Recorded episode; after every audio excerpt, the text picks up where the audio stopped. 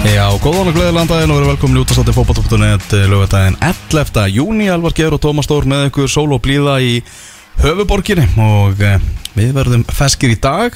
Eh, aðeins að minnast að það, núna klukkan 11 þá hófst eh, streetballmót X927 á, á Klambratúni og ef menn er á ef ef hlustendur eru á flakki í blíðunni þá er bara um að gera að kíkja þangað. Ég efast ekki um að það sé mikið stuð. Veðuguðunir er allavega að leika með þessu streetballmóti Ég heldur betur glæsilegt veður úti og verið 19,5 á eh, mælinum í, í bílnum Það er aldrei að vita að við vorum um 20 gráðu múrin eh, setni í dag Það er svo sem ekki að meðlega mála að það hefur meira verið að hugsa um streetballmótið hér á X977 þessa vikuna heldur en tiltektir eh, Alltaf gaman að, að færa ykkur svona brakandi orðum knasputnu úr uh, ruslahögnum sem að uh, fiskabúrið Það nú. er bara eins og þessi búið að vera unglingapartí þetta bara í marga vikur sko.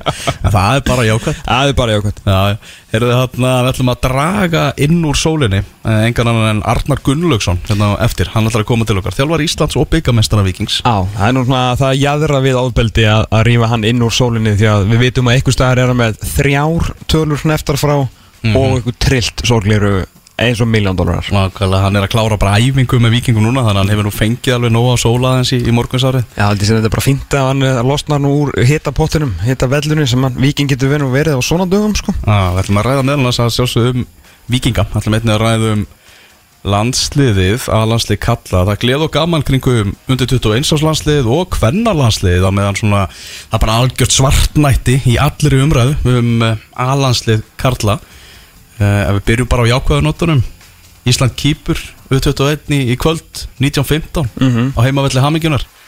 Ef Ísland vinnur og Portugal vinnur Greikland á sama tíma þá er umspill á eh, strákan okkar í U21. Já, það sem við getum held, held ég, ég veit ekki hvort það sé síta í þá, ég er náttúrulega að kynna með það betur en ég held að stefni í að England getur nú farið í þetta umspil sko, það sem að eh, þeir eru, eru í reyli með fyrirtasterkuliði Tjekklas og nú gaman að fá England en gaman og ekki gaman, auðvitað viljum við komast á eh, í lokakeppnina. En, hérna- en menn þetta lið bara síndi það í svo leikju til dæmis á móti Portugal að við getum bara gefið öllum keppinautum okkar þarna, keppni í, í þessum aldursflokki. Já, reyndar eh, áttu greinlega England nokkru leikið til góða og eru búin að stinga af í, í sínum reyli Já, þetta er hérna algjörlega og hérna 1915 í, í kvöld og ætti, ætti nú fólk bara að fjölmuna á völlin það er að lofa góðu veðri, takið með eitthvað derhúi eða sólkleru eða bæði. Mhm. því að annars munum við ekki sjá held ég leikin það stefnir í mikla sól í vikinni í kvöld. Þetta U21 svo hlýðan bara stút fullt af geggjum sóknarleikmannum og, og spila stórkostlegan fótbolta stór,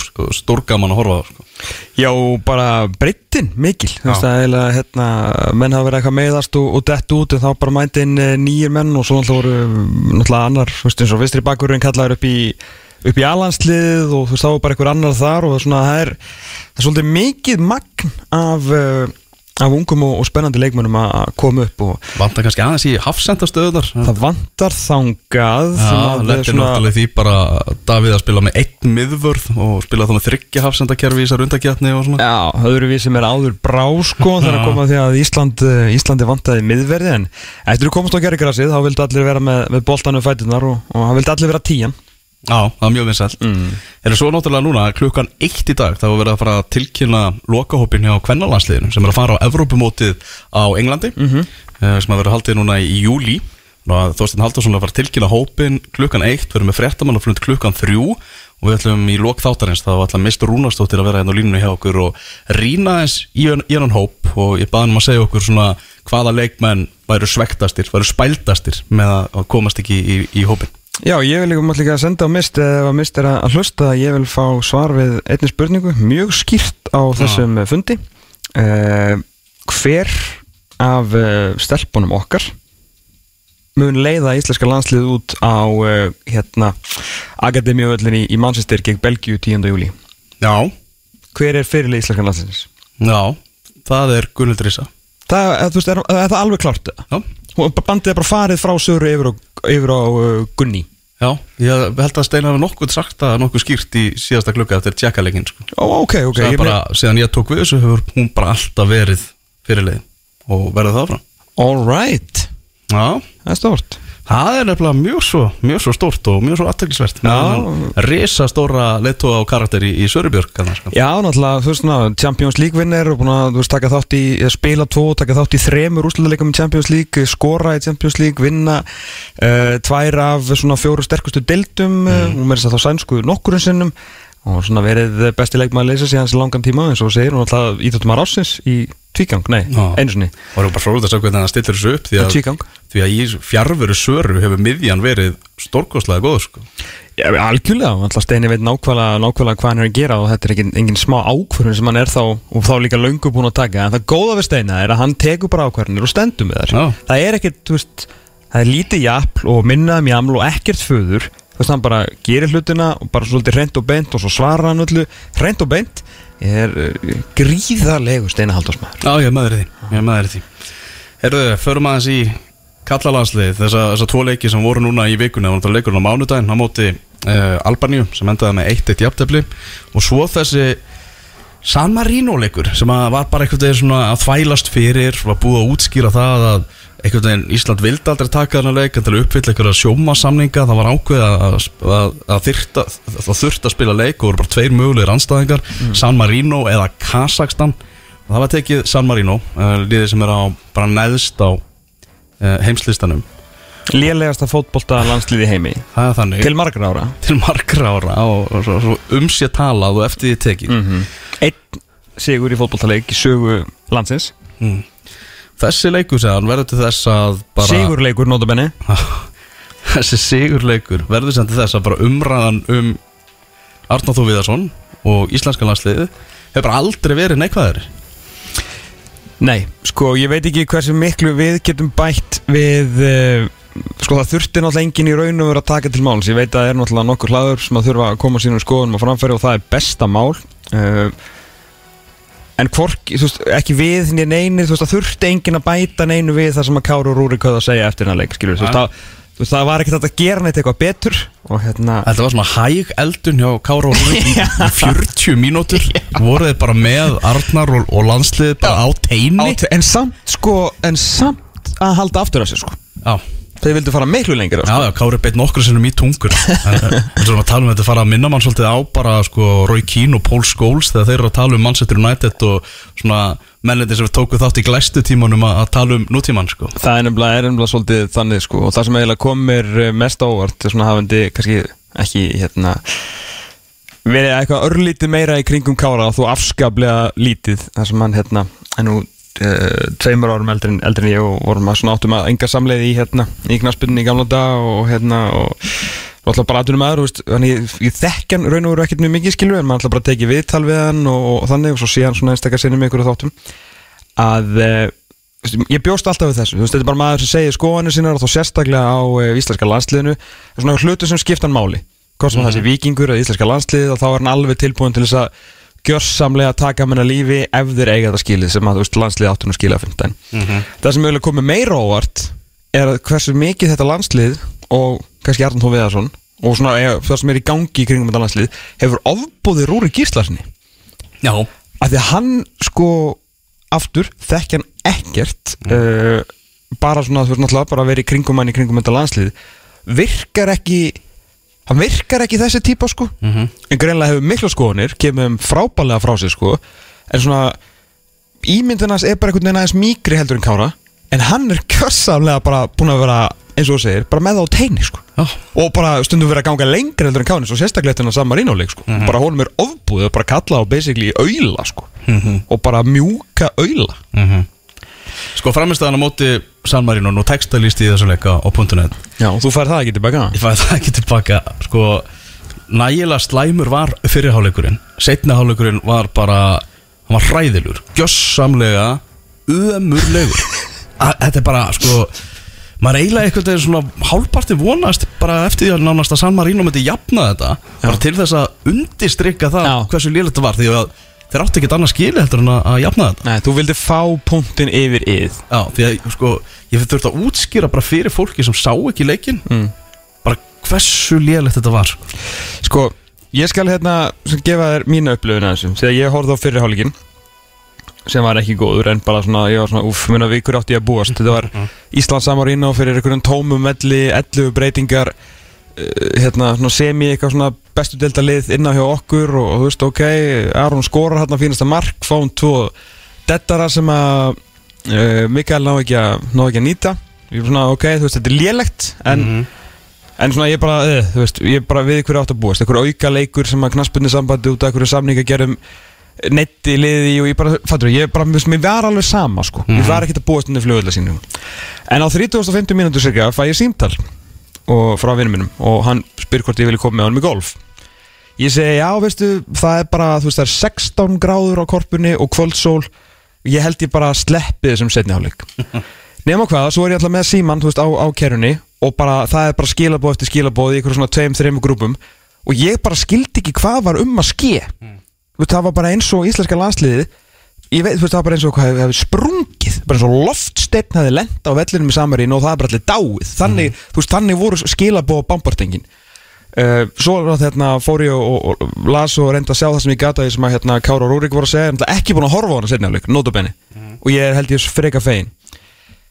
Ég er eiginlega, þú veist, það er búið að taka mig alveg tvo daga í raun og veru. Alveg það til í gerkvöldi þar sem að hérna, við vorum líka að ræða við nokkra, nokkra ansi fótballtaþengjandi menn sem að veitum tölvöld meira um, um fræðin heldur við bæði taktist og, og taktist og annað fyrirhandi aðdunu og landslismenn og, og þjálfara. Hversu hversu ofbóðslega mikið þetta landslið tókst að bara ofbjóða mönnum sem að vita eitthvað, þú veist, öllum notabenni, en líka bara svona þau sem að uh, vita eitthvað actually um fótbolta sko. þá er mm bara þjálfara og leikmenn þú veist, menn eru í sjokki eftir hennar leik sko. Ég meina þú veist það verður náttúrulega að setja í sammeki sko, bara í, frá sjálfur til San Marino þá er þetta bara einn merkilegust úrslit sem þeir hafa náð bara í mörg mörg herrans ár. Já, tvítið er að hérna big things are coming en alltaf best að sé séð. Já, big things are coming. Sko, þeir heldur bara íslenska liðin algjörlega í skefjum Aron þrándar með eina markið og það var skot þarna fyrir utan teik þegar boltinn dettur til hans. Virkilega vel slútað hjá Aroni sem að annars var mjög dabur í, í, í leiknum. Mm -hmm. arfaslagur uh, svo hefur hann notað, þú veist, þú veist allir barka svo náðu ekki að koma sendingu fyrir allan leikinn, mm. af hverju er hann ekki bara í 21 áslandsliðinu í staðis að vera bara sóunum í, í, í eitthvað þetta dót sko, þegar við getum, notað hann í, í undir 21 áslandsliðinu veist, já, bara á miðjan slök og veist, Albert Guðmundsson fekk hérna tækifærið eftir að allt var náttúrulega brjála þegar hann kom ekki inn á í, leiknum á móti Albani og, og náða enga veginn að nýta það. Uh, Sveitnáran gerði ekkert frammi. Uh, Mikael Egil var sko ég, ég vil ekki vera leiðilegur við, við ungan dreng sko en þetta er bara Já, einn hann er settur hann inn, þú veist, þetta er bara Já, já. Arnar að kenna og þú þurfir að, þú veist, að gaggrina svona harkalega og allir, ég meina, ég er búin að vera að heyra hann var ekki góður í þessum fyrirháleik og hvað hefur þá gerst í þessum síðari háleik, sko, hvað með góður það hefur verið, hvað spilaði ekki 70 eða eitthvað í þessum leik? Já, að hérna, þetta var bara einn slagasta framistæð sem ég bara séð í íslenska landslýsbúning já, með þú veist, það er allir þú veist, maður ég er búin að hlusta og skilu allt í gegnum, gegnum vikuna og það eru bara allir sammála um það að greiði drengurinn hafi verið reynd úr satt hörmulegur og bara ekki nógu góður. Uh, ok, hann er bara ekki tilbúin í þetta og ég skil ekki hvað er þetta er líka úlingaliðs leikmaður sem er að spila alansleik ekki, þetta var ekkit fyrsti, sko, hann kom líka inn á um daginn þegar hann átt að bjarga hlutunum henni gegn Al Albaníu hans tíma er bara alls ekki komin sko. Nei, og hverju með greiði gerðu með þessu? Ekki honum, sko Nei. Nú setur hann heima og allir vinnir hans og þú veist það er verið að urða yfir hann í hverju, hérna, hverju umföllunni kringum þetta á, hérna, á fætur annir ég, ég næði ekki alveg hver, hverju þetta á að skila sko. en þú veist þetta er bara svona eins og þú segja, með, með, þessa, með þessa upplöfun þegar ég einhvern veginn fór inn í eina leik með það að fara bara, þú veist, mér er alveg sama. Þú veist, hvað er að fara, þú veist, þetta er San Marino úti við vinnum þetta kannski 2-3-0, þetta verður ekkert spes. Þurfum að uppfylla einhver, einhver sjónvarsamning og svo bara fellur þessi leikur í gleimskunum þá. Ísland er lítið land. Uh, þannig að uh, þó að þessi skamt frá þessu leik uh, stutt, já, stutt síðan að flötu á þetta leiksluka í raunumveru þá er maður búin að hitta mann og annan og, og, hérna, og spjalla við hérna, menn uh, þú veist, leikmenn deildinni, fyrirhandi leikmenn fyrirhandi þjálfara, núverandi þjálfara uh, atun, eða svona fyrirhandi landslismenn sko það, það er svona það sem maður uh, heyri frá þeim, alltaf sama og svo sem bröðumfyllurinn er búin að vera. Það sér enginn alveg svo Kári var að tala um svona pattern of play sko, þú veist svona bara minnstur á þú veist hvað liðið er að gera. Allir sem að svona actually svona vita eitthvað þú veist bara taktist um fótbolta eru allir bara einróma sammála um það þeir hafa aldrei séð verri fótboltaleik spilaðan af ekki bara íslensku landsliði bara af íslensku, bara liði með íslendingum í sko. það finnst mér rosalega mikill áfællust og þetta er ekki, ég er ekki að segja þetta sko. Þú veist, ég er bara ekki ég hef ekki getið að segja, mér fannst það bara lélegt fattur já. ég get sagt, mér fannst það bara lélegt og leiðilegt Ég sá tíst þetta frá Áskrimi Helga sem var hérna formaður landsliðsnefndar í um skamman tíma Já. og hann var svona að segja þú veist bara þú veist, það þarf þólimæði og eitthvað það er ekki hægt að sína þólimæði nema við sjáum framfæriðnar og við sjáum að, að liðið sé á leiðinni rétt átt sko. Já, hvað, eftir hverju var ég alltaf að auðvisa? Framistuðu Já, ég er ennþá eiginlega betur henni sko. en það er svona það sem mér finnst eiginlega mesti áfællistómurinn e, kannski yfir Arnari akkurat núna er þetta hvað e, svona fótball, alveg fótballtafræðingar er að segja bara hvað þetta er bara lélegt það sé ekkit minnstur það sé ekkit að gerast bara eins og þetta sé bara illa þjálfað lið Já, svo var Máni hérna eitthvað í frétturum á stöð 2 ekki að tala um að það sé erfitt að móti vera sig í liða móti San Marino. Eh, þú veist, þetta er þetta eru leikmenn sem er í berjast um það að reyna að koma sér í íslenska landslið og ég menna, og þetta segir manni þá bara að Arnar er ekki að ná almennilega til leikmanna eða þeir get ekki lagt sér fram. Nei, einmitt, ég veist, þetta er bara þetta er rosalega rosalega daburt allt saman sko og hvað, hérna, hvað ætli verið margir veistu hvað með þessu morgun eða? Nei, ef ekki hugmyndum það sko veist, og hvað í, bara ég vorkinni það svo mikið sko, veist, ef þetta, getur farið á svo, veist, ef þið tap á morgun mm hvað þá? Hvað gerist þá? Já, hvað gerist þá?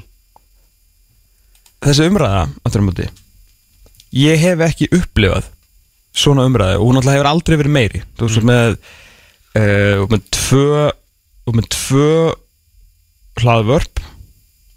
Okkur umfyllurna og náttúrulega þú veist þessum strákum heldur engi greiði geður að Kári Árnarsson á hvað hætti fótbolta núna sko. Og hérna og með Kára og Rúrik hérna með þá bara í, á slóróstinu. Og Kári fekk ekki jobb hjá KSI þannig að hann fór í þetta. Já, ég veit mér að vissulega kannski ef væri Arnar ekki í jobbi ef að Kári hefði fengið hitt jobbi sko þannig að þetta svona kemur út á eitt það kannski betra fyrir Arnar að sé þá bara í sjónvarpana gaggrina ekki á skrifstofunni.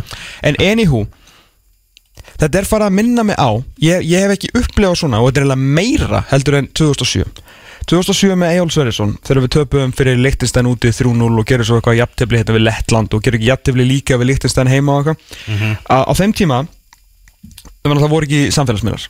Þá voru hérna, þá voru blokkin í gangi.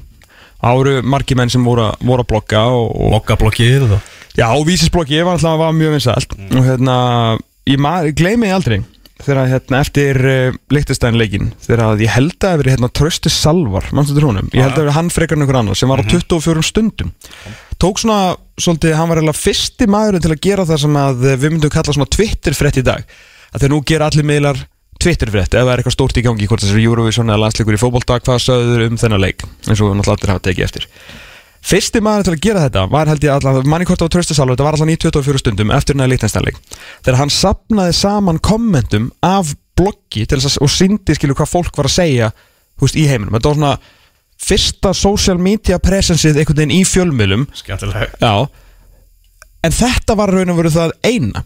Þú veist, Umfjöllun í sjónvarpi var langt frá að vera jafn óvægin og hún er eh, núna Það sem að bara menn voru Það bara týðgæðist ekki til sem að voru á fjallunarslíkina og þetta bara, þetta var bara lélegt og það var ekkert svona þannig sér sagt. En þú veist, Eyjálfur var komið svo mikið á þólmörkum hjá, hjá Íslendingum að þetta var samt svona mikið svona mann á milli. Þannig að ég veit ekki, þetta voru nú bara blöðin algjörlega blöðin og miðla þú veist, valla, þú veist, fréttamillar, það var rétt svo punktu net en á þessum tíma er ég nú held ég þar ennþá og þú veist, við vorum kannski að aflífa menn þá sko. Nei. þú veist, ungir og, og svona sæklusir sko en á þessum tíma náttúrulega er það svakalegsta sem að sá þegar Henry Birgir setti bara fyrirsögnuna eftir hérna heimalík manni hvort það var Lettlandi, hvort það var, það var held ég ekki líktinsanleikurinn Mm. þegar það bara kom segðu af þér Eyjólfur Já, það var bara fyrst og eina sinn sem ég man eftir því sem allan á fyrirsögn í þá bara mest drefna uh, dagblæði á landinu sagði bara að þjálfarnum að segja af sér Mhm.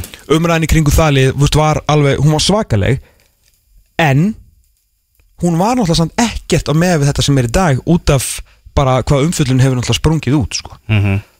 A, og Og, og náttúrulega spila líka við höfum fengið aðeins konfektið, skilur við? Við fengið að smakka á því Já, við höfum aldrei fengið konfekt á þessum tíma þegar hérna Eyjólfur var en samt var, veist, umræðan svo óvægin, en hún komst bara ekki, veist, umræðan, Ah. það sem voru kannski einhverju fyrrum fótboltamenn, þú veist, og Hjörvar Hafleðarsson og, og hérna, uh, og Albert Brynjar eða hinum einn, þú veist, Kristinn Óla, þú veist, þú veist, þeir voru eitthvað stæðar heima á sér, þá ennþá leikmenn Mhm. í landslýsfríi, eh, að drekka bjór og drullandi við landsliðið, nema núna eru fleiri af þessum mönnum konu með mikrofón, sko. þannig að umræðin er náttúrulega orðin miklu meiri uh, þess vegna, punkturinn með þessu er það að Arnáð Þór Viðarsson er einhverju mesta stormi þetta er líka meiri stormur heldur en Alli Eðvaldsson var í heitin þegar hann hann tapaði 6-0 fyrir Danmörku því veist, það var erfiðu tími líka en það hefur enginn á jafn skömmum tíma einhvern veginn náð svona bara öllum á móti sér og fengið þetta allt í grillið út af, skiluru, sérstak Twitter þú veist, Facebook, Instagram, hlaðvörpum útvarpi, mm. umfjöllunni á Viaplay Samfélagi var öðruvísi, ég meina meðan voru mótmála sko alla eðvalds með borða á já, já. Það var hengtur upp borðir sko. Emmitt, emmitt, pæliði því sko Þannig að það var, þetta er svona þessi þrín menn sem ég man eftir sem á komist uh, Já, svona, já, farið svona, samt Sko allir náttúrulega hafi gert frábæra hluti áður fattur mm. Við hefum fullt af frábæra minningum undir, undir stjórn alltaf En ég bara man ekki eftir að hlutinir hafi farið jafn pratt í skrúuna Og verið jafn einhvern veginn Þú veist þetta er svo, er svo mikið á yfirborðinu sko. já, já. Og það er svo margar aðvörunabjöllur að ringja Ég menna Það er enginn af þessum eldri leikmönnum nánast sem er að gefa kost á sér í landslið Og ímsar ástæður og, og allt það En í grunninn þá, þá hlýtur það að vera bara að menn er ekkert að berjast um það að vilja vera í þessu landslið, þessu staðan er. Nei, svo er það, ég, þú veist, mér finnst það óþægileg umræða að því leiti að maður veit ekki neitt, sko. Nei, nei. ég, hef ekki, ég auðvitað er þetta að draga alls konar álítanir, þú veist, ef að kæmi bara einhver nýr þjálfari sem að strákurnir einhvern veginn myndu, þú veist, innan gæðis að lappa samþykja eða lítast betur á, auðvitað eiga menn svona de facto að koma þegar kalli kemur í íslenska landslið við myndum alltaf að óska þess að svo væri og það varðannig eins og þegar að þegar að Jóndæði kannski kýs félagslið sitt frekar veist, og náttúrulega hann útskýrið að- alveg að- ástæðunar og Arnar virtist alveg hérna skilja það. Ef við vitum alveg að þetta og, og með fleiri þetta þetta hefði aldrei gerst 2014 skilur við þetta hefði aldrei gerst. Mm Já, 69% lesanda fótbolta.net segja að karlalandsliði sé ekki á, á réttri leið. Og þetta er bara umræðan. Að pistill að byrstast núna uh, inn á fótbolta.net í, í morgun frá Viðari Haldósinni þó ekki pappa landslýsalórans Þegar þú sendið mér pistil í morgun þá held ég að þetta væri og ég var eiginlega að vona að þetta væri pistil frá viðar að verja, verja strákinn sko. en þetta er ekki, þetta er eftir uh, uh, hinn virta prófessor í, í félagsfræði með Háskóla Íslands uh, Viðar Haldursson sem að hefur nú skrifað marga pislana líst eftir grunngildunum hugleðingar um stöðu karlalandsliðsins í knaspinu og hann einfalt að segja það bara grunngildin sem hafi náð, já, verið bara leikildina þessum árangur íslenska landsliðsins í fótbolta eh, séu bara horfin. Já, en hann byrjar á að segja, einmitt eins og segir að, hérna, að hann vil meina íslenska landslegi að vera á milli, hvað, 40 uh, 40 til 70 á henslislanum það er eðlilegt, hvorki það að komast upp í átjánda eða verið miklu neðar eh, er eðlilegt með bara, talentbúliðinu og allt það. Eh, Svo segir hann hérna, þetta er svona að rekja það sem við gerðum uh, á sínum tíma og eins og segir að lýsa eftir þessum uh, grunngildum þá segir hann ég sakna þess að sjá ekki vel skipulagt og formalið sem að einkennist að barátukliði, ósirklipni, samstöðu, sigurvelja og leikliði. Þannig höfum við gegnum tíðin að mynda lið sem hafa orðið eitthvað meiru uh, en summu einingana sem að mynda þau hann veist, er áður í pislinum að segja að þetta sé bara raun og veru einstaklingar hérna út á, út á vellinum sko. Ísaka karlanarslið knastbundu getur ánum afa orðið aftur slíkt lið en fyrsta verkefni er að finna aftur grunngildin sem við vitum að skila okkar árangri. Þau eru grunnurinn sem við byggjum allt annað ofan á ég lýsi hér með eftir grunngildunum sem hafa unnið hug og hjörtu þjóðarinnar. Sko, góða punktur mm. uh, náttúrulega grunngildin sem að uh, mesta guðskju sem að Íslands knastbunna hefur nokkuð tíma fengið, Lars Lægabæk kom með þarna inn í inn í uh, mm -hmm. landslið og bara umgjörn í kringum það á sín tíma við höfum oft náttúrulega rætt og, og hérna minnst á það hvað, og, náttúrulega líka bara verið sagt nýr í KSI, hvað þekkingin er farin allstaðar, úr, bara úr þjálfarateiminu uh, teiminu í kringum það, þú veist bara öllu teiminu hvort þessi sjúkrað þjálfarar uh, bara, þú veist, tókið þráins afskrifstofinni, þú veist, engingunni gilva bara þóldur yngjumund og svona er farið þú veist, það eru, þú veist, búin breytið heilin í stjórn og allt þetta. En er, þú veist, er stjórni núna á landsliðsnefndinu og allt það og fólki sem að ræður Er það að gera sér grein fyrir því hvað þú veist þessi þekkingur horfin og hvað getur ekki verið, annars væri búin að ná í einhvern aftur. Já, og gleymi því ekki að náttúrulega Lars Lagerbäck komandinn til þess að reyna að fara yfir þessu grunngildi þess að maður er búin að heyra alls konar sögur innan af eh, bara fundum og, og hvað var í gangi þar. Og þeir voru svo sannarlega ekki að, hérna, að dansa í takt. Og, og veist, vill gera þetta bara veist, his way. Og það er hans val skilur, það er bara hans prerogativ hann er landslýsjálfarinn og hann reyndar er yfirmaður sinn líka og, veist, og, og líka við hans í afið sinn. En hann er alltaf búin að, að sko, smíða sér hann að bát sem hann er svolítið einn að róa í akkurat núna Það sem hann, uh, hann og ég veit ekki hvort að veist, hversu mikið hann, hann ávæntalega ekkert í því að búið að reyna, jú, veist, í teiminu, þú veist, hann hlýtur að vera búinn að taka ákvörðun um, þú veist, það eru bara allir farnir, sko.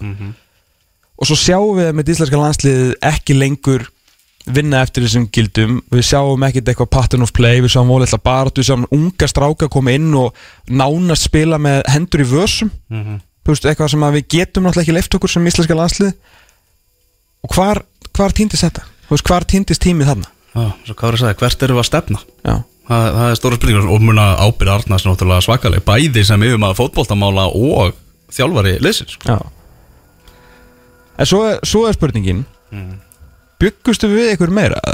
Hvað er það, er það bara, þú veist Já, er það ekki? Það er fullt af, þú veist ef við horfum á leikmennun okkar Já. og leikmennuna sem er að koma upp og allt þannig fullt af spennandi leikmennum en við að sjálfsögðu byggust við meira þetta. Við erum bara búin að vinna við erum búin að vinna San Marino ósangjant Við erum búin að vinna alltaf ósangjant Já, þeir áttu fyrir þetta ámundu alltaf geggjar í þeim leik.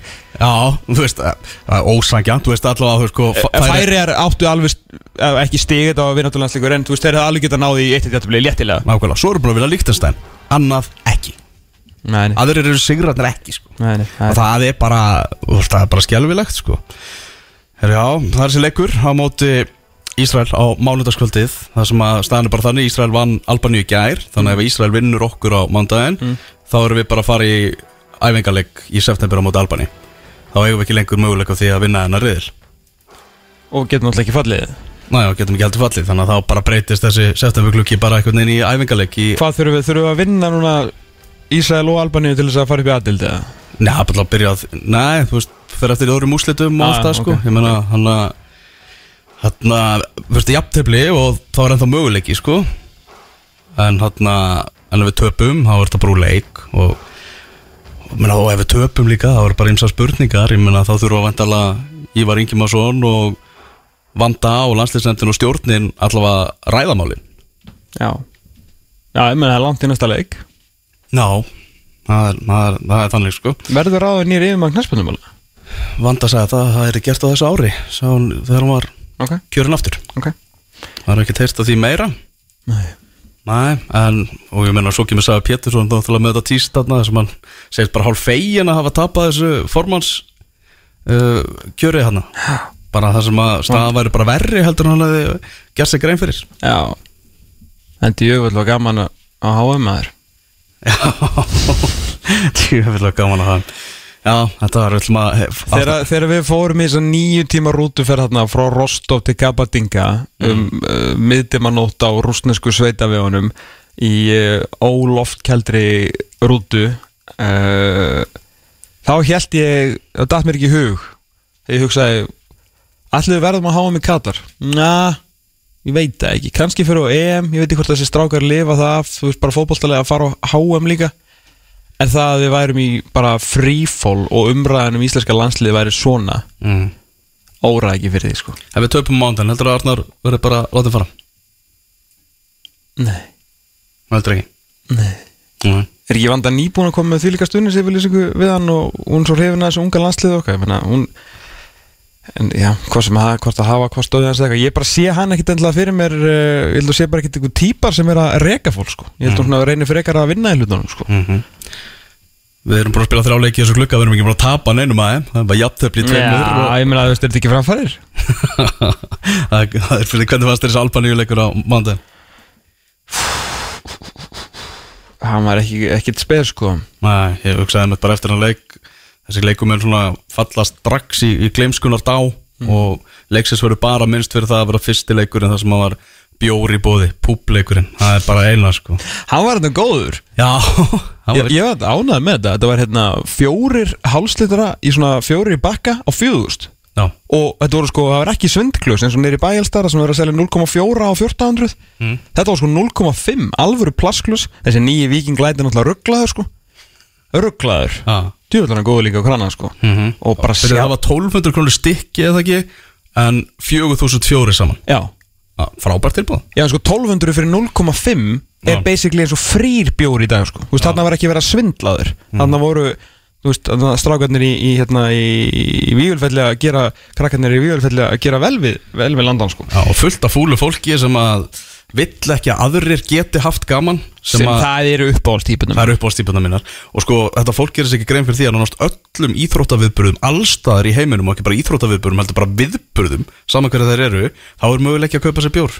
Já, er, minna við fórum til færi sko, fyrir hvað, fimm árum. Fimm Við erum árum? að fá minningar það núna bara á hverjum degi. Við vorum bara á vellinum bara færi á Sviss, bara helli okkur bjór. Já, já. Syngja þetta trallandi og Það var geðveikt. Það var ekki Nei, þú veist að sjá menn bara einhverja tvo fella lappa saman með þarna nýja þarna fjögur að púpa bakkan og veist, það var bara stemning yfir sko. Það var líka sko, það var stemning á vellinum svona síðustu 20 minnur Fólk reynilega aðeins kom með í blóðið Þú veist, það var, staðan var ekki, þú veist, 5-0 fyrir Albaníu, það var 1-1 og svona og maður svona upplýði svona smá stemningu en, en eh, já, með samarínuleikurinn vandalega drap það uh, algjörlega, sko. Já, það er bara þannig. Ég meður sko. Hérna Annað með knarspunni samband Íslands Mm. Sem að Verið þeirri smá brasi þessa dana Herru, við erum Sem þjóð Að fara að taka bara virkan þátt Í einu mesta hvít, íþrótta hvítþótti Heims þessa dana Og erum að fara að spila við Sáti Arabi Já. Og enginn segir neitt já, Þetta er ekki allt í lagi eða? já Já, jú, það segir náttúrulega einhver eitthvað Vanda við þurft að svara fyrir þetta Já, ég, sko Ég veit ekki alveg hvað maður á að byrja með þetta Sko, ég er ekkit eitthvað, er ekki maður eitthvað sem mætir okkur mótmæli og hef með eitthvað mikið frammi í einhverju svona málum, sko, en þú veist, ef ég væri yfir krafnarsmjöld samband Íslands og ég hef fengið bóðum það að spila við Sáti Arabíu í dag þá náttúrulega segir maður náttúrulega annarkvort sko, svarar ekki póstinum eða segir bara nei. Þetta er náttúrulega basically versta þjóð heims í dag mannréttindi eru ekki til þarna. Þeir koma fram við, þú veist, konur verð eiginlega heldur en hunda. Uh, veist, þetta er bara þetta er menn sem að stunda aflímanir bara á svona föstudugum mm. Hefur fólk aldrei önni í kási bara séð sjómanstáttu eða aldrei lesið blað? Veist, hvað er í gangi? Og að svaka umræðum Sátti Arabíu núna náttúrulega út á þessu gólfmóti Það að sem að kilvingarnir hafa mætt þarna á blagamannafundina hver á fætur öðrum og litið út þessu hálfvitar talandi um hafa Khashoggi-morðið þau náttúrulega tóku náttúrulega bara eitt blagamann og bara sturtu ormi sírupað sko eftir að hafa bara bútaða niður að það var, þau leist ekki alveg nógu vel á hann Herru, það var einn, ég held að Graham McDowell sagt að þetta hefur verið óheppilegt Já, ok, fannst þið það? mm -hmm. Herru, sko Vanda Sigurðsdóttir mætir hann og tekur strax á svona mesta vandamálunum sem var þá í gangi sem var náttúrulega þessi hérna Ímyndar dót. já bara þessi hva, þessi kynferðisbrót og það sem að var í gangi það sem, það sem náttúrulega guðuna og, og stjórnina og gerði það bara lista vel og sýnir svona það er eitthvað svona nýjir tímar hjá hérna knastbundisambandi Íslands bara stöndum hérna algjörlega með þólundum tökum þetta regluverk alveg í gegn og hérna og bara gerum þetta almennilega og við ætlum bara að vera hérna bara nútíma knastbundisamband sem hugsa um þessi mál. Svo snýra sig við og basically segir að uh, knastbundinsambands Íslands bara stiður ekki við uh, bara hvernréttindi að þau náttúrulega fara að spila leik við Sáti Arabi mm. og afsakar þetta með því að hún ætla að halda ræðu og taka í höndina þeim og sína að Ísland sé með sem sagt, formann, frangotastjóra og varaformann sem er allar konur, sem er besta mál sko. aftur vil ég benda það þetta eru menn sem hafa alltaf myrt menn uh, og fullt af fólki þeir eru alltaf stund eitthvað mesta sportswashing sem sést hefur í heiminn núna náttúrulega bæði með að kaupa Newcastle United þess að þeir komist í gegnum það það stoppaði náttúrulega ekki mikið þar sko þannig ég held að knaspunni samvægt Íslands er ekki að fara að stoppa mærrættindabrót þeirra neitt sérstaklega mikið Er þetta ekki bara ennett dæmi um það að peningar verðast bara sterkari heldur um mannréttindi? Jú, Já. en þá þarfstu bara að koma og segja það Mm. af því að hérna, leiðrætt mig ef ég fyrir mér en ég var hérna eitthvað, að- fór aðeins á, á stúf núna í vikunni að bara pæla í þessum leik og mér var sagt að þetta tengdist þessi leikur væri í raun og veru sama og með þetta San Marino dæmi að eh, okkur vantaði leik til að spila. Þetta sé- rétt, já. Já, út af sjómasamningum og það voru einhverjir ófísileg í Kazakstan aftur og einhver annar svona, svona já, eins og segi, bara ekki góðir langt ferðalag á móti óspennandi mótirum en svo hafi Sáti Arabíu komið og búist til að borga allan brúsan ef við viljum spila, fara til Sáti Arabíu og spila við uh, þessa konunga mannréttindabróta í dag mm. Af því að það kostar ekki neitt og við þurfum að uppfylla einhvern samning við höfum gert hann í samning og við verðum að spila í þessum glugga og við höfum bara ekki, við höfum ekki peninga til að eða í þetta. Við getum ekki verið að fljúa eitthvað uh, bara til Kazakstan og vera þára á hótel eða eitthvað til að spila eitthvað leik sem að skipti síðan og raun og vera engum máli. En þá þarf bara að segja það að við ætlum bara að leggja hér gildin okkar sem að ég held að væri komin ykkur. Við erum bara að leggja sérst gildin okkar í að hérna bara hvað var það bara almenn margændi við ætlum að leggja þau bara aðeins til hliðar að við höfum ekki efnaði að spila eitthvað við annað heldur en sátaðarbi þá getum við allavega gaggrínt það skilur að það væri alltaf hryttilegt að segja og þess vegna veit ég að er enginn að segja það, í staðin alltaf að fara og stara sátana niður Mhm. come on það verður annarkvort eru við veist, samband og knasp og ég, bara, ég var svo erfitt með líka að trúa félagin ekki bara sagt neitt sko. Já, ég hugsa alveg einmitt líka sko með vöndu sem formann að þetta væri einmitt eitthvað sem hún væri bara hvað að standa eitthvað sterkust í sko ég er svo hjertanlega sammála Já. mér dappar ekki hug að hún myndi nokkuð tíma ég held, að- ég, ég held frekar það sagt um mig að þið fengur postnum að spila mútið Sáti Arabíu að hún er bara hleið Já, og sendt bara tilbaka nei takk sko. já, en já, ég er hérna við erum þetta ótrúlegt, ég verð að segja það sko. Já. bara þetta land er, bara ég hvet alla til að fara hérna, ég veit ekki hvort fólk sé búið að sjá hérna 7 minúna fréttaskýringuna frá BBC News uh, í kringum sérstaklega þetta gólmót hún er, hún er rosaleg sko og séðan líka bara mjög sniðut að uh, opna dagblað og kannski skoða heimildamindi eða tvær um, um sátana sko. Mhm. en það sem að fer alltaf í töðunar með sko er að við, að við af, og af hverju heldur að Ísland sé líka að mæta þarna? Hvar er Ísland nummer 1 eða 2 í heiminum? Uh, jú, jafnrétti og hvað er þá betra í þessum eiliðar sportswashing, þessum íþrótta kvítþætti sem að Sáti Arabi er að stunda núna en að spila við einhverja mestu jafnréttistjóð á meðan þeir eru bara með konurnar sínar bara faldar á baku lukta dyr sko? Og þá er ég að meina sem spúrkurnar segja klæðast. Þeir eru að bara hugsa svolítið mikið um PR dæmið sko.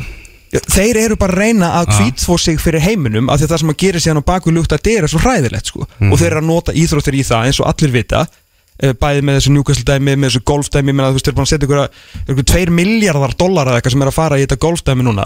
Og þeir fá endalisa umfyllun um þetta og reyna hérna, að stýra umfyllunni veist, frá því að sé vera að tala um hvað þeir gera á, hérna, á baku tjöldin og reyna að stýra því í íþróttunar sem betur fyrir er það ekki að ganga.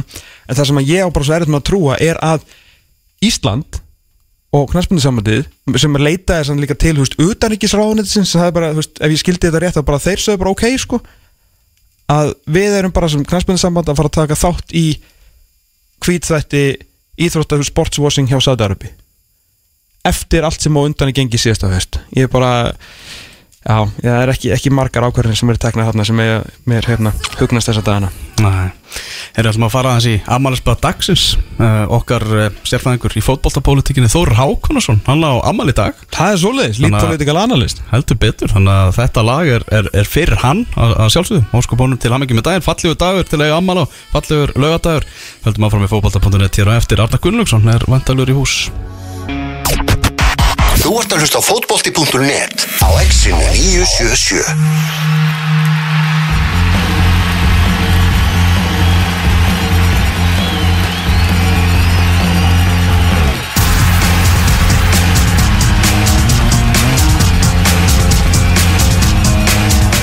Það ég áframöldur út að státtur í fótbolti.net á X977 þannig að lögadaginn Elva Geir og Tómas Þór með ykkur til klukkan 2 í dag setnaði þetta um, þá ætlum við að fara aðeins yfir EM eh, hóp Kvenna sem hefur verið tilkynntur bara eftir 13 mínútur eða svo. En hinga til okkar, með er komin gestur þáttarins, það er þjálfari Íslands og byggamestara Víkings Arnar Gunnlaugsson er mættur hérna í hús. Bara takk hjá fyrir að koma Arnar. Já, takk til ekki og koma að rífa þig hérna úr sólinni Já, við vorum að æfingu á þann sko að var ekki vontöður í vikinni? Var brjóla Uh, herðu hérna, okkur langaði svona aðeins að nýta það tækifæri fyrst komin að hérna, fara aðeins í, í landslið með okkur uh, frá svona kannski svona fótbollulegu sjónarvæðni hvað hérna, ef við tökum bara þessa viku aðeins, uh, bara við byrjum aðeins á, á Albani leiknum. Hvað hérna, hvernig svona horfði hann við þér?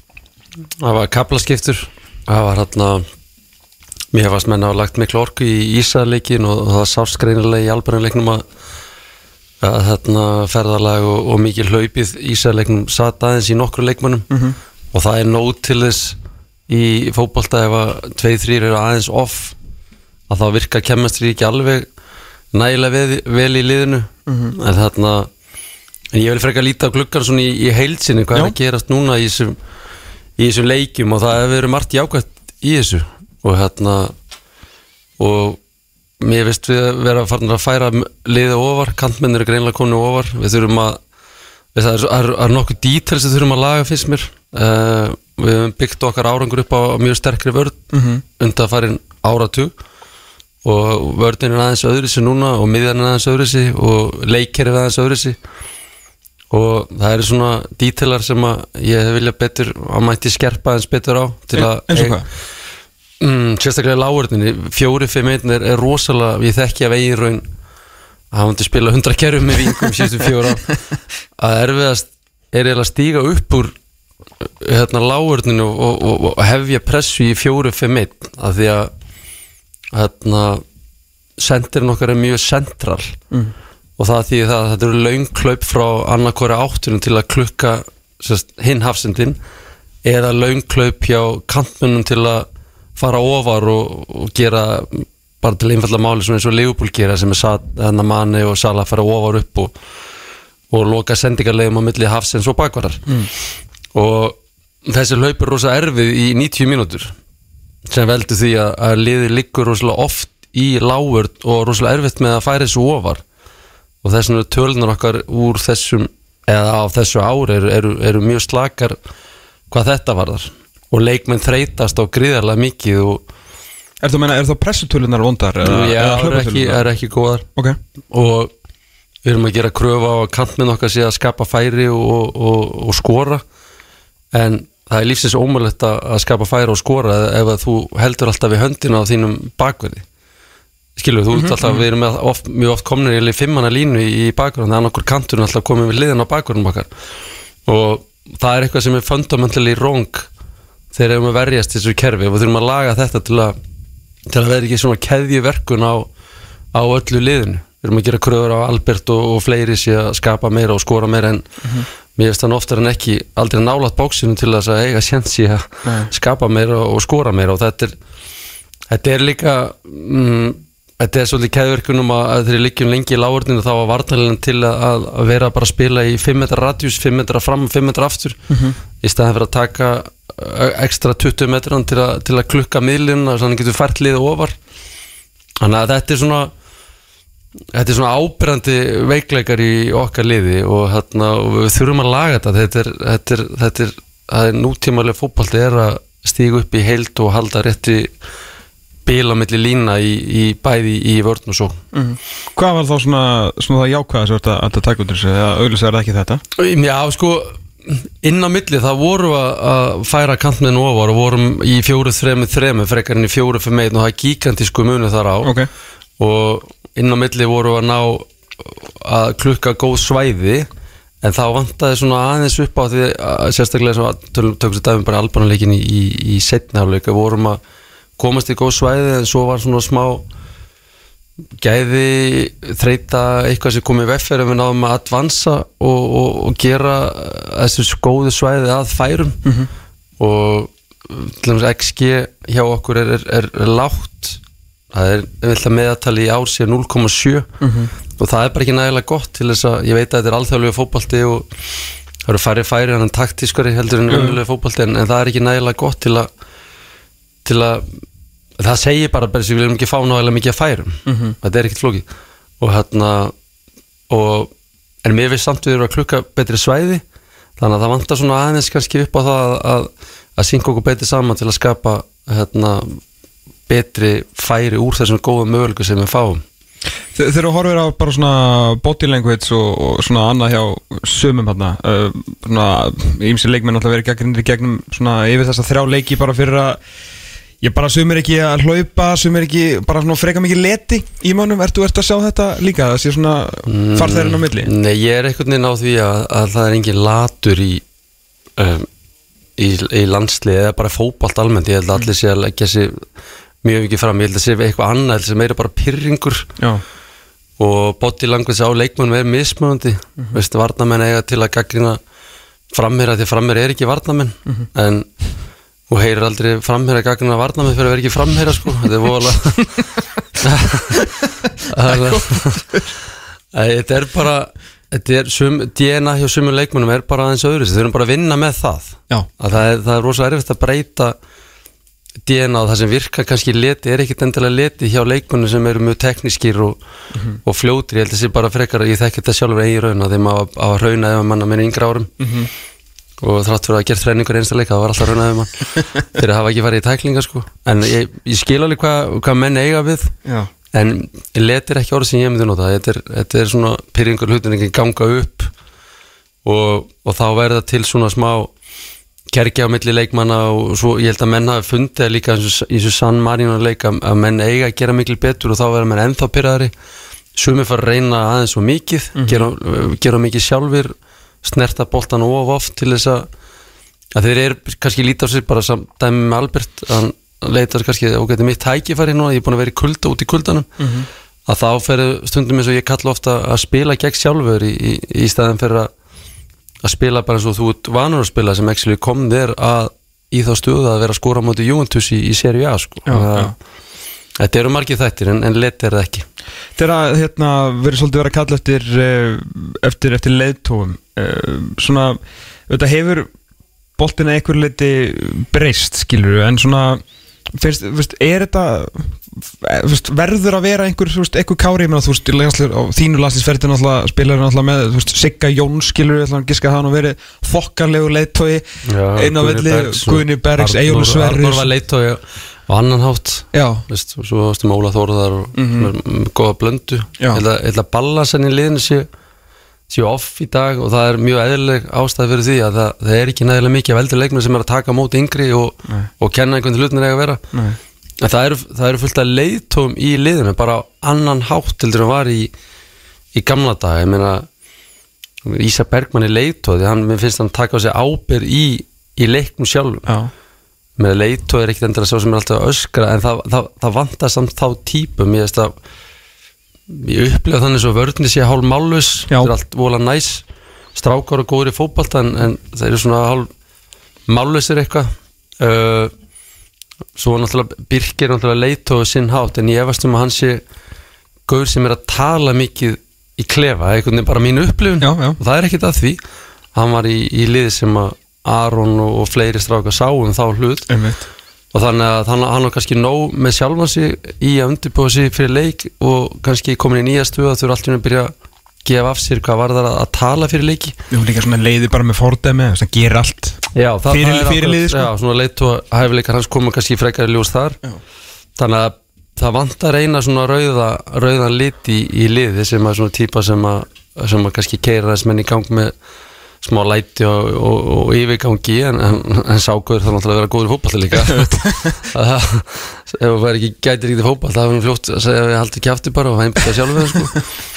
en það er það er samt ógeðslega margt jákvæmt að gerast í leikmannavali hjá landslinu, við erum komin með þá voru ekki margir sem vissi hver Hákon væri fyrir, fyrir þennan glugga.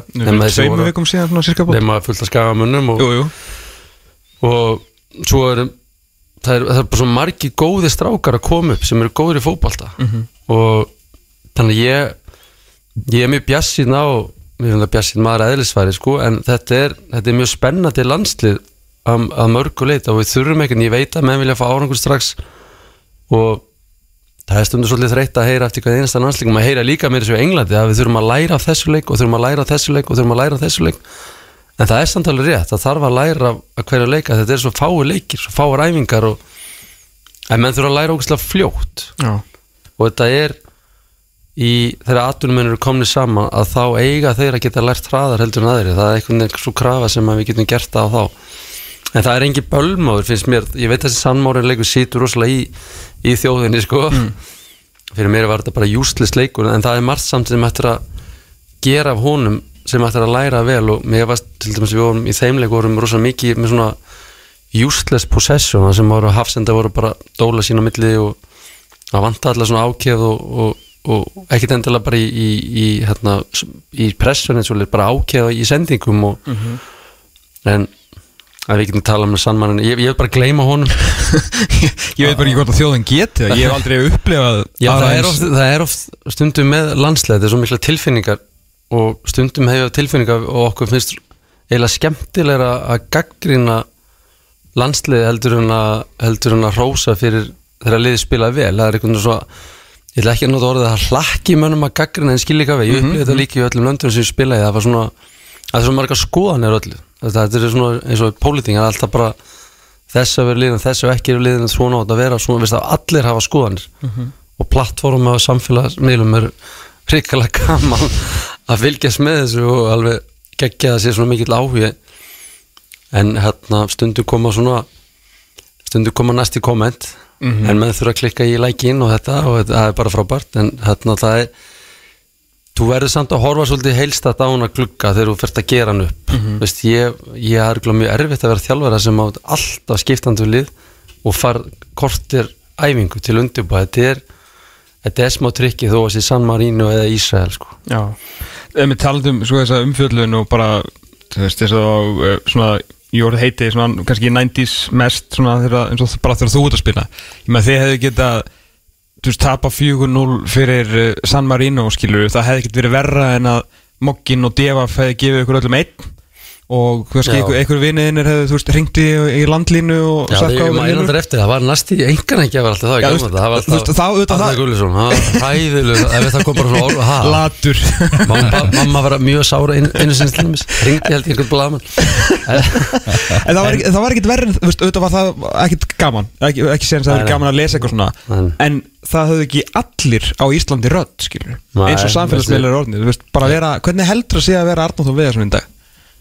Ég held að sé Þetta er mjög skemmtilegt, það er svona ég, held að sé rosa erfitt. Það er erfitt að kúpla sig Erfitt að láta þetta ekki hafa áhrif á sig. Einmitt. Ég held að það sé óskur mannlegt að að lesa, allir þú getur ekki bara slögt á símanum og hætta að fylgjast með, þú fylgjast með. Auðvitað.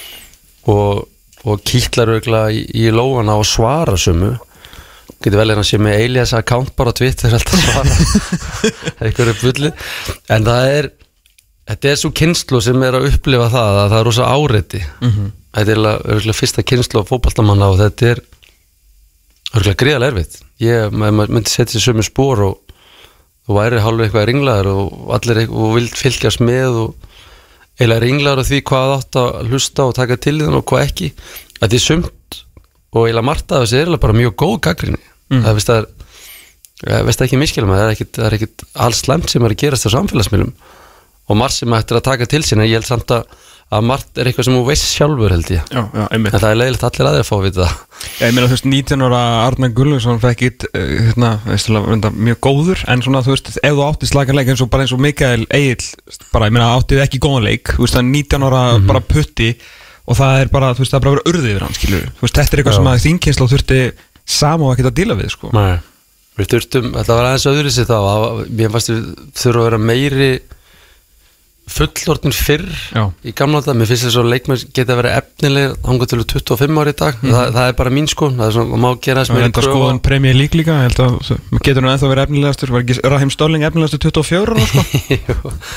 Það, það er svona en hvað var það eins og, og svona ungi strákar að koma inn og, og eiga stinkara þannig sé, bara eiga, eiga dabra leika þá já.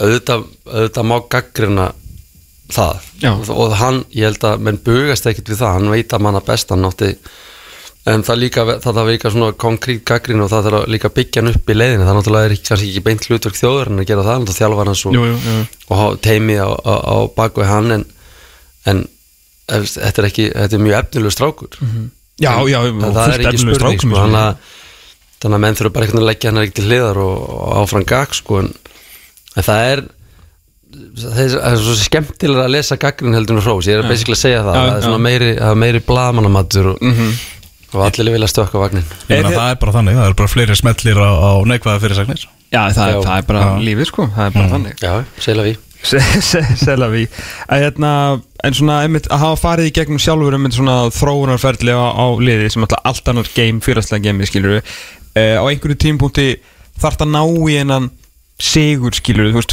2020 tímbili náttúrulega liðið þú svona, svolítið á þessum byggar og svona og með þú og náttúrulega færi svolítið slaka og eiga það skilur við vonda tímbil eða þú veist stigalega séð. Saman eins og Arna núna verður hann samt ekki að ná í úslitum morgun til þess að sína okkur þjóðinni að það sé ekki eitthvað að gerast? mm, það væri æskilegt sko. Já, þú veist til að aðeins að fá fólki með. Það væri æskilegt sko en ég, fyrir mig persónulega að þetta er þjóðadildin og svoleiðis að, að góð framista eða mjög góð framista og jattefli fyrir mig væri betri heldur en eitt hún sigur og, og, og ömuleg framista sem þú segir aldrei ljósi sko. Nei, nei, nei. Það voru einhvern veginn á raungum fósendu sko. þannig, að, þannig að frábær framista fyrir mig væri, væri æskileg.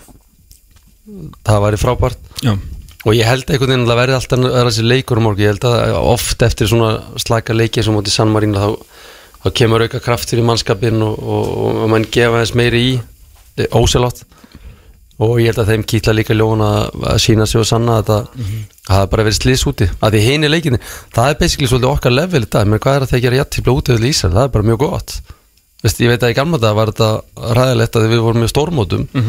En en við erum bara þar núna og level okkar er ekki að spila á mútið spána út af velli og Ísrael er bara fínasta lið þannig að það var, fyrir mig var það bara mjög góð úslit uh, Annað lið sem að uh, er í blári treyju og reyndar spilar á heimaðalli hamingunar uh, undir þetta einsvarslandsliði getur verið stórkvöld í, í kvöld talandum allt í unnu bara heila gommu af spennandi leikmönum ekki bara í annarslinu heldur en auðvitað einum. Það er er það svakalegt að komast á annar stórmót og skemmtilegt lið sem við erum að horfa á hjá Dagsnóra Já, mjög svo.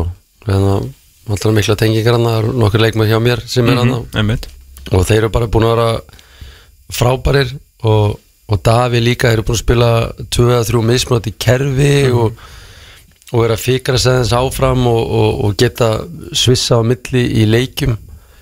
Uh, þeir eru ekki samt búin að vera þannig sem samfærandi eru búin að ströggla svolítið í, í, í varnarleika af því að mér veist sama vandamál það eins og okkur vantar svolítið svona leit og í, í vörnina. En fram á við erum við með rosalega skemmtilegt lið og, og það eru tveið þrjir strákaranna sem er á leveli sem að ég er mjög sjaldan sem að sér svona level hjá svona ungu leikmennu þar að segja level fótballileg gæði. Þegar við höfum að spila um til Portugal og í, síðasta leika það voru tveið þrjir strákaranna sem voru bara bara outstanding sko. og það er einmitt gefur manni líka til um til bjassinar að það er stutt í að þessi stráka fari líka dætt inn í alhanslið og þannig að það er bara búin að frábært að fylgjast með þessu. Hversu góður er Kristján Nökkvi Linsson? hann er bara Mm, hann er bara ótrúlega góður. Hann er bara ótrúlega góður sko. Er hann er einhvern veginn nær að stoppa tíma rétt á hann og færi boltan þó að tími sé ekki stopp og líti kringu sig og taka svo ákvörn það gerist ekki þannig í raunveruleikunum en hann er einhvern veginn nær að pása tíman sem er gríðalur eiginleiki hjá, hjá fótballtamanni og skora ekki það mikið í, í, í vetur með varli Ajax en það mun þegar það dettur inn í hans leik að þá mun held ég að valju honum ef hann helst meðsla fyrir mun auka skriðalega og skólinn sem hann fær úti er alveg perfekt sko. Var ekki með 10 góls og assist eða þess að 5 og 5 í, í þessum reyli sko Jú. af, af miðinni Jú, það er, það er þetta sem veikur aðtikla mann sér einhvern veginn hvernig hann býr til pláss í plássinu. Já, með og hann nýtir tæknið sína gríðalega vel. Tækni hjá mörgum er að hversu oft ekki dribbla sko. En tækni hjá honum er alveg hversu fá að snirtninga ekki gert hlutina. Emmitt Og þú veist Það að það er- aldrei neitt nálatunum sko Maður, það er einhvern nálatónum, hann er einhvern nær að búa sér til svæði og það er allt að tala um bestu leikmenn eins og sé aldrei neitt nálatónum þegar fá boltan Já, og hann einhvern veginn fellur í þá kategóri já, það er alveg, alveg svakalega góður sko. En svo náttúrulega líka kannski þú ert vantilega mjög ánæður með svona stráki sem að þú ert nú búin að og þið allir svona lifta aftur upp á það level sem allir byggust kannski við að hann væri á fyrir svona 3-4 árum. Kristall Máni Ingarsson náttúrulega frábæleikmaður og núna svona að gera þetta líka á þessu landslýsleveli Já. og svona þú hlýtur nú bara svona nánast að að fella smá svona pappatár þegar þú séð hann spila það svona Já, ég var alltaf mjög gaman að horfa hann spila og hann er búin að bæta leiksinn greiðarlega mikið, bara, ekki bara með bolta heldur án boltas Mhm. það er svona blendna tilfinningar þegar maður sér hann spila svona vel að þegar þá styttist allt í að hann fara út sko og það er eitthvað nokkuð lítið eldri sem að er eitthvað bara ringi umbásmenn æ, er ekki, ekki bara að taka hann bara? farið í júli bara en það, jú, hann á hann á svo sannlega skilið að, að fara út fyrir frekar í setna Mm. og hann er akkurat einn af þessu stráku sem var að nefna á það sem, að, sem er á, komin okkar level. Mm. það sem að ég man eftir leiknum átti Portugal mér fannst hann vera einn af þessu stráku sem hefði getað skipt um treyfi Portugal í hálfleik og, og litið vel út í, í þeirra búningi. Þetta var svona þessi tækni og, og leikskilningur. Og hérna þannig að þe- þe- þessi strákar eru á mjög góðu róli. Mjög góðu róli. Og ég sé líka að þeir eru líka svona gaman að spila fótbolta. Þetta er einhvern veginn svona þetta er element í, í þínum karakter sem er svolítið præsleis í nútíma fótbolta. Mm. hvað, hvað svona skín í gegn og það skín í gegn hjá fólki sem er að horfa að spila hvað þeim finnst það gaman. Er ykkur, hver er svona helsti munurinn á, segjum að allt gangi upp í kvöld og við förum á, á þá 12 árum síðar á annað stórmót eins, eh, þriðja náttúrulega Umspilið náttúrulega fyrst Já, umspili fyrst, erum við bara, við, við förum alla leið. Já. og hérna, svona, við ætlum að, erum að komast helviti langt í þessu. Hvað hérna er, hver er svona helsti munurinn á, á gullkynnslunni þá og síðan kannski þessari kynslu sem er að, sem er að koma upp? Hún var svona mér, mér varst vera fleiri fleiri leikmenn í fleiri stöður í, í, í eldri kynnslóðinni það var einhvern veginn svona, hún, hún dreifði svolítið víðar. Og það eru hérna eins og talaðum á það var svona varnar, varnarleikun er, er svolítið kunst Mhm. og mér varst þess að varnarminni þá væri aðeins aðeins komna lengra, miðjumenni voru aðeins komna lengra. Og en þessi strákar núna sem mest framlýna menni verið í, góðu lægi okkur hvað var að leveli sem var Já, ég veit að náttúrulega Kolbenn var þessu tíma og, og fleiri það var náttúrulega öðru sér leikmenn núna en, en mér varst þess að gullkynslan var aðeins komni lengra einhvern veginn á sín, sínum þroska í, sínu ferli á, þeim tíma. Já. Það getur vel að sé ránt hjá mér en það er, það er veginn tilfinning sem að hafði að þeir voru, þeir voru svona aðeins komni lengra ális en það eru samt nokkri leikmenn hjá okkur núna sem geta farið ansið langt. Mhm. ef, að, ef allt gengur upp í þeim klárlega. En það, þú bara minnist svona deila tvisar á þetta með, með varnamennina Við vorum alltaf að leita hérna hægri bakverði sko. En núna einhvern veginn erum við að leita bara miðvörðum líka náttúrulega, kannski ekki vinstri bakverðum og síðan þegar við horfum niður í U21 þá við líka að leita að miðvörðum. Akkur spilar enginn vörð lengur? Það er, ég, þetta er ótrúlega hvernig það gerist eitthvað, þetta er svona svona óhettni í, í kynnslóðum það er það er náttúrulega, við, við erum núna með eh, eitt, tvo mjög efnilega stráka til dæmis bara reyna að fabulera hvað, er búið að gerast í gegnum árin að ef þú ert kannski stóra og sterkur þá ertu kannski oft fymtaflokki, fjórflokki látin vera á miðjunni sem er bara fínt skilur en mögulega fá ekki nægilega ofta leikmenn sem við sjáum að þeim aldursflokki verða hafsendar að, að byrja þar eitthvað staðar fyrir frekar en, frekar en setna og ná að þróa sér leik sem hafsendar. Að það eru það eru stóri strákar sem eru, eru hafa verið á miðinu og sem gætu kannski mögulega verið betri hafsendar. Mm. En núna eru við líka að sakna svolítið að, að svona miðverið sem eru að spila á háu level Európu talað um Sverri og, og, og mögulega fleiri sem eru bara ekki að spila með landsliður Nei og ef, ef, ef, ef, ef að Sverrir og þessi strákar veist, það, það vantar bara það, og svona hólmarinn heima Já. að þessar típu sem að, sem að hefðu geta verið í fullu fjöri með landslinu eru bara hornir á braut Mhm. og típan til að taka við eru kannski ekki alveg eins og staðin í dag ekki upp á því leveli sem að Kári og, og Rækki voru á sín tíma. Nei, alls ekki, ekki, ekki svona félagslega boltanum sko. Nei, Við varum að vinda okkur í, í bestu dildina Eða ekki? Jú, þarna náttúrulega hlýja á, á henni. Þegar vikingar sparkiðinni séðan aftur í ganga á, á miðugutaðin, farið til vestmanni á Hásteinsvöll. Uh, kláruðu hérna með tveimur söguleikjum í röð, það voru hann að koma að þessu landsleikjarlið, hvernig svona bara meturu já, þessar fyrstu nýju umferðir hjá, hjá viking Ég, já, mér veist framist að hafa verið mjög góð hjá okkur heilt yfir sko og það er hérna hún er bara búin að vera mjög, mjög sterk Mm. það var erfið en ég held að, að kannski var einhvern veginn barnaskapur að halda að við myndum halda áfram frá það, frá því sem fyrr var horfið í fyrra því staðrendin svo erum bara með nýja vörn mm -hmm. og eftir að Halli mittist í hvað þriðjum fyrir þá var öll varnalínan farin frá okkur sem að sem að lokaði þessu í, í fyrra Mhm. og það leitt til smá óryggis hjá, hjá Yngvari og, og Pablo var aðeins að ströggla og Nico var aðeins að ströggla og jú, jú, þetta er leikur hóp, hópsins, legar hópa sem við titla en, en þú vilt að þínu kor leikmenn séu til staðar mm -hmm. þú vilt að rótira á, á svo sletti svona frins, frins leikmennum mm -hmm. Menn Leopold er ekki rótira á, á Van Dijk og skil ekki að við það, er alltaf kor leikmenn sem vilt hafa til staðar Þe, þegar allt fer svolítið í raskatan í byrjun með, með nýju varlinu þá var eiginlega maður sem máttir alls ekki missa út var Pablo.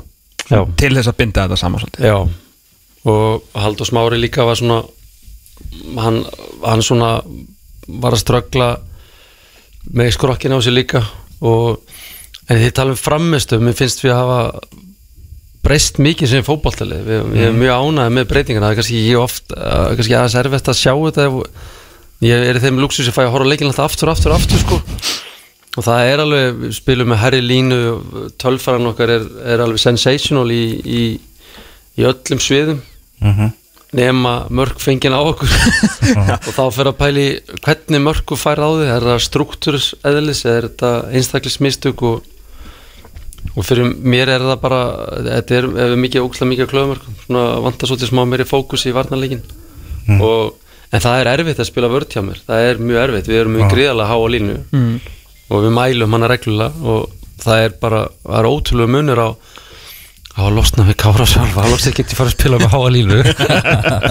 En þá færðu þá færðu annars skóla vandamál í staðin Emme, þú, þú sagðir um þetta eftir síðast tímabila að hérna, þér hlakkaði svolítið til að, að breyta liðinu og, er, og verðist að vera ánæði með það augljóslega fyrir utan 16 mörki fengið ná sig í nýju leikjum? Já, já, ég er rosalega ánægð með ég, þetta er bara hérna, það er svo, svo gaman að tala um hvernig leikurinn hefur verið það er svo, svo talandi um tilfinningar og upplifu manna og hversu oft hlusta maður á umræði að ég hlusta eins og Arnar við þess, ég hlusta á ykkur Aha, ég hlusta á umræði á gaggrinu að að það er svo algengt að, að, að liðið sem tapar er umræðlegt og liðið sem vinnur er bara frábært og þannig er oft leikinni ger, gerður upp skilur, en það býr miklu meira baki vinnuna hjá held ég allan hjá mér við að segja við strákana og vera hreinskilin með framistu liðsis og eina tóli sem ég hef er ekki hvað mér finnst heldur hvað tölfaran segir mér.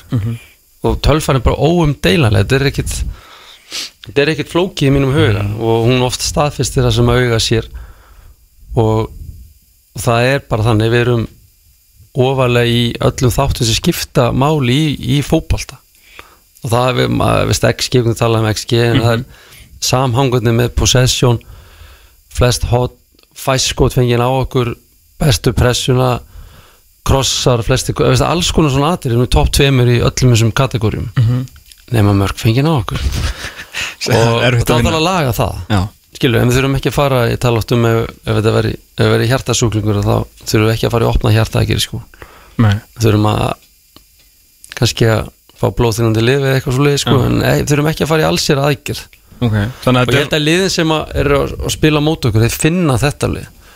Og þjálfari hinna liðina. Ég er með fullt af þessu þjálfurum í UEFA námskeið sem okkur í kenta að gera þetta, gera upp leiki. Og það eru liðana sem eru með ómörgstið og lið sem eru með sem eiga að vera með fleiri stið heldur en við erum með. Og þannig er þetta bara og þetta og, en fótball er svo skemmtilega stundum bara einhvern veginn gera slutin ekki alveg svart er ekki alveg svart og hvít er ekki alveg hvít. Nei. en til lengdara þá þá, þá sér það ánungur klárlega. Ertu, ertu meiri believer á, á tölunar eftir svona hvernig þú varst að tala þetta upp eða tala upp, tala um þetta vildi ég nú satt segja 2020 og síðan hverju svona prósessi skilaði þessi endanum 21 Já, algjörlega sko, það var 2020 var allir konur ógjafmenni sko. Og hérna fyrir að tala með þennan hátt en já, það var kannski ekki alveg meir jafn mikil þekking á, á að þá kannski var skipt öllu máli að halda bolta sko. En núna er þetta meira svona sam, samverkandi þættir. Að það er margt skemmtilegt að gerast í þessum heimi í dataheiminum og hérna en klárlega ef að þú, þú horfur að framistur og, og þess áttar og, og talandi um bara svo data og próstölu, það, það er bara staðrind að, að lið sem að er með betri tölfar en anstæðingurinn hann vinnur leikin 75% tilvika. Okkur er það, það að hann er með betri tölfra í, í flestum þáttu leiksins. Þannig að þannig að þetta er svolítið, tilfinningar með ekki alveg bera ofalíða þegar að gera upp tímabil og gera upp eins og núna er að gera upp þess að nýju leiki að þá má ekki alveg tapa sér í að jú, við erum búin að tapa þreim leikjum og töpum tveimur fyrra. Heldur leita frekar eftir hvernig þú tapar þessu leikjum. Hvað gerðist í þessu leikjum? Heldur hún að strax stökka á vagnir hvað menn voru lélegir og allir hinn þessu aðeinslega sko. Hvernig horfur bara svona á tímabilið núna þegar ég bara breyðarblik er komið með þessa svakalegu fórustu eftir að hafa unnið alla sína leiki? Já, það, sko, þeirra fórist að skekki svolítið myndina fyrir alltaf hinn að því raun og verið er þetta alveg bara frábær árangu þeim og, og hérna bara virðingaverkefni þeir hafa díla við sín mál og, og að mörgu leiti það var ef, ef, ef ber saman tölfæða núna vikings og breðabliks að mörgu leiti það hafa þeir svolítið breyst í viking og við hefum svolítið breyst í, í breðablika því að, að því að possession töluna þeirra hafa rapa allir verulega og en þeir hafa samt náða að, vera með góðan kraft í, í sinu sóknungar en varnar þeirra er búið að vera frábær. Og þeir eru búin að spila erfið og útileiki oft öðruvísi heldur en ella móti okkur og, og móti káir það sem er sættu svolítið við að, að vera lítið með boltan og, og hana, þannig að þeir hafa þéttar aðeinar þeir hafa haldið, þeir hafa verið svolítið meðslafrýri í, hérna, í varnalínu, frábæra varnalínu frábæra markmann. Og svo stóri bónus er náttúrulega að, að þeir fengu sexu frá skafunum sem er orðið markakongur deildin og þeir eru að slá markamett og það er bara testament um, um frábæra þjálfun og, hérna, og, og hugafar hjá, hjá Ísak. En og svo er önnulið sem að Káur, talandi um tölfara Káur er, er búið að heilla mig mikið í, í, í spilamösku ég veit að þeir eru að gaggrindi verulega það er, það er trúið mig, það er bara tímaspilsmál það er svo vel fyrir ganga þegar þeir eru búin að spila þeir eiga að vera með fleiri stig heldur en, heldur en ella Mm. Valur er búið að vera í vesinni FH búið að vera í vesinni, Stjarnan er Stjarnan er búin að vera svo áhugverð case Já. það var mjög skemmtilegt að horfa á þá en þeir, þeir eru samt svolítið fastir á milli eða svona, svona stökk betvín hvernig liðið á að vera að þeir, þeir eru ekki pressulið og þeir ekki possessionlið en, en þeir eru samt Já, algjörlega. þannig að þetta er svolítið svona þetta er, þetta er káa við höfum spilað káa mútið káa síðast og, þeir hafa leiðið svolítið undir rata. Þeir eru með frábæra mannskap frábæra mannskap sko. frábæra útlýtinga þjálfara sem kann sitt fag sko. þannig, að, þannig að þeir veist, þeir, eins og sagði fyrir tímpil þeir myndi vera dark horse sko, því að veturinn er búin að erfur og þá allt í hennu þá fara menn allt í hennu ótíma fyrir spáni að fara eftir, fara eftir hvað, hvað er gerast í veðutíman en, en beinilegu þeirra er alveg að para við þessi bestu lið sko. Og já, eins og segir náttúrulega frábæð þjálfari sem náttúrulega náð ansi miklu út úr þeim. Jó, bara ansi miklu, bara náð því sem að er það hefur líka reykt lið. En Já, sko, þetta er bara þetta er, það er samt mín tilfinning að að tvö bestu liðin fyrra eru aðeins lagar en þeir voru á saman tími í, í fyrra.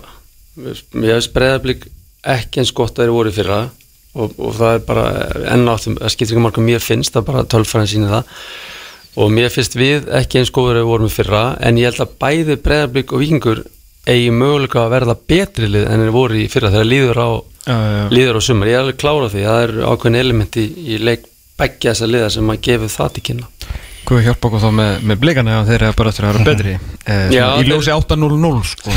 Já, klárlega sko en ég held samt einhvern veginn að talandi um hvernig ég ger upp leiki og ég held að Óskar sé mjög færi sínu fæ, ég held að sé ekkert endalega hoppmanda ánar með, með einhverja hluti sem hafa gerst í, í leikjum hans liðs í, í sumar. Að því að þú getur ekki verið að blekja þú getur ekki, þó er vinni leiki þá vilt alltaf reyna að bæta leikliðsins og ekki vera einhverjum blekkingu hvernig liðir að spila og, og en fyrst og fremst þetta er alltaf bara stórkustur árangur að vinna áttalegi í, röð það er alltaf, alltaf að bera að vera það En svo náttúrulega út af uh, þessu eina auka Evropasæti sem að uh, þú nú reyndar að hjálpa til við að vinna tilbaka uh, meira það eftir augnablík að sko stjarnan 17 stig, K.A. 16, Víkingur 16 reyndar eitt leikum meira, K.R. þarna tveimur stigum fyrir aftan sem að þú lofar að, fara á stað og svo náttúrulega þetta gríðilega velmanniða lið val sem að hlýtur á einhverju tímpúnt að fara að vinna einhverju fótbollalíki uh, Við erum að tala um fimm lið kannski í baráttinu um eitt Evropasæti það verða ansi margir. Það er alveg ljóst að það verða mörg svegt lið með tímbilið sko, þó í þriðja sko. Já, já, já, klárlega sko, þetta er þetta er bara sko, þegar úslækinu byrjar að það getur allt gerst þó við varum í 60 um eftir efstaliðinu Mhm. þetta er eitthvað nema að sjá hvað er að gerast í Danmörku núna þegar, þegar FC Köpenhavn var með tvílitt fórskot þegar fónu úslækinu og svo, svo ekki bara þetta eru töff leikir heldur líka þetta eru taugan að byrja að vera þanda til þess ídrasta Mhm. en það er rétt, við þurfum að ná þessu sæti eins fljótt og, og mögulegt er og blikarnir gerðu frábært móti í, í fyrra Já. en við erum líka búin að vera mjög óvætni með, með drátt í, í þessum keppnum Það er það er alveg búin að meða við sko, við erum að, við erum að fara núna við erum að spila um til Levatia núna 21. Flóra Talli var í riðlækjafni í, í, í sambandsdeildi núna og líkur á 700 miljónuna bankareining sem verðlum fyrir þann árangur. Mhm. við erum ekkert verið en Flóran Tallinn sko. Nei, en þeir fóru bara einhverja ótrúlega leið. Og Hey. færiðingarnir fyrir hvað tveim ára síðan sem hún dregst á móti einhverjum liðin sem að og liðin sem við höfum verið að dragast á móti ég veit að framista, framistar margar þessar leikja hafa verið dabrar. En þetta eru svona lið sem eigum alltaf sjensi að vinna ef við eigum að vera fullkonlega heðalir þannig að þetta- þetta, þetta- þetta snýst líka svolítið um að vera heppið með drátt Já, þetta er alveg tjóðar, ég meni ég hef tekið svona sex sinnum hérna sömu ræðina um, um vini mína í Dúdelangi frá Luxemburg sem að fóru tvisasnum á þreymur árum í riðlakeppni, Luxemburg sko. Já. en þeir voru semst fóru Champions Path og fengu bara alltaf léle, bara það var, þú veist, Makedónia, Armenia, skilur og endanum svo unnur leiki vít og voru alltaf komin í riðlakeppni Já, þetta er það sem þetta leið, leiðin fyrir okkur náttúrulega er að náttúrulega klára Levadia Já. ég held með fullir verðingu að San Marino, nei, hvað, ég held að Andorra og, og er það líktist en Andorra Nei, nei, og San Marino Samarino San Marino, já, já, já. Já, þeir spila að það, hinleikin ver- já, sko. ég held að úslaleikunum sé þarna á milli okkar og Levadia, ég held að ekkert ég veit það og svo ertu komin í fórkjæmni Champions League Mhm. og ef við vinnum þá umferð þá ertu komin svolítið Það var þetta í góðum málum sko. þá ertu í góðum málu sko. Þá ertu þetta er- alltaf garantira með leiðina sem Flóra Tallinn fóru fyrra sem er playoffs leikur í sambasteildina þeir unnu Shamrock Roads frá Írlandi Mhm. og það ekki að þið vinni mína frá Írlandi þeir eru ekki að koma feskir úr sumafrínu sko. Þannig að það er, það er líka leið á lenda á móti landi sem er ekki alveg komin í fullan gýr knarspunnilega séð Og þetta er einmitt leikur það sem að valsmenn hafa verið að fá veist, þú veist Lótogorets, Raskat og svona skilur sem eru alltaf ógeðislega góð fótballtalið með okkur bót og glimt í fyrstu sambasteildinni einmitt. bara, bara svona og Káur var að fá seldig minni minni Káur tapar fyrir Flóra Tallinn núna fyrir hvað, 2-3 ára síðan, Mhm. 2-1 en voru fast mér mun betri í þeim, en þetta er samt alveg, þetta eru hörku lið Mhm.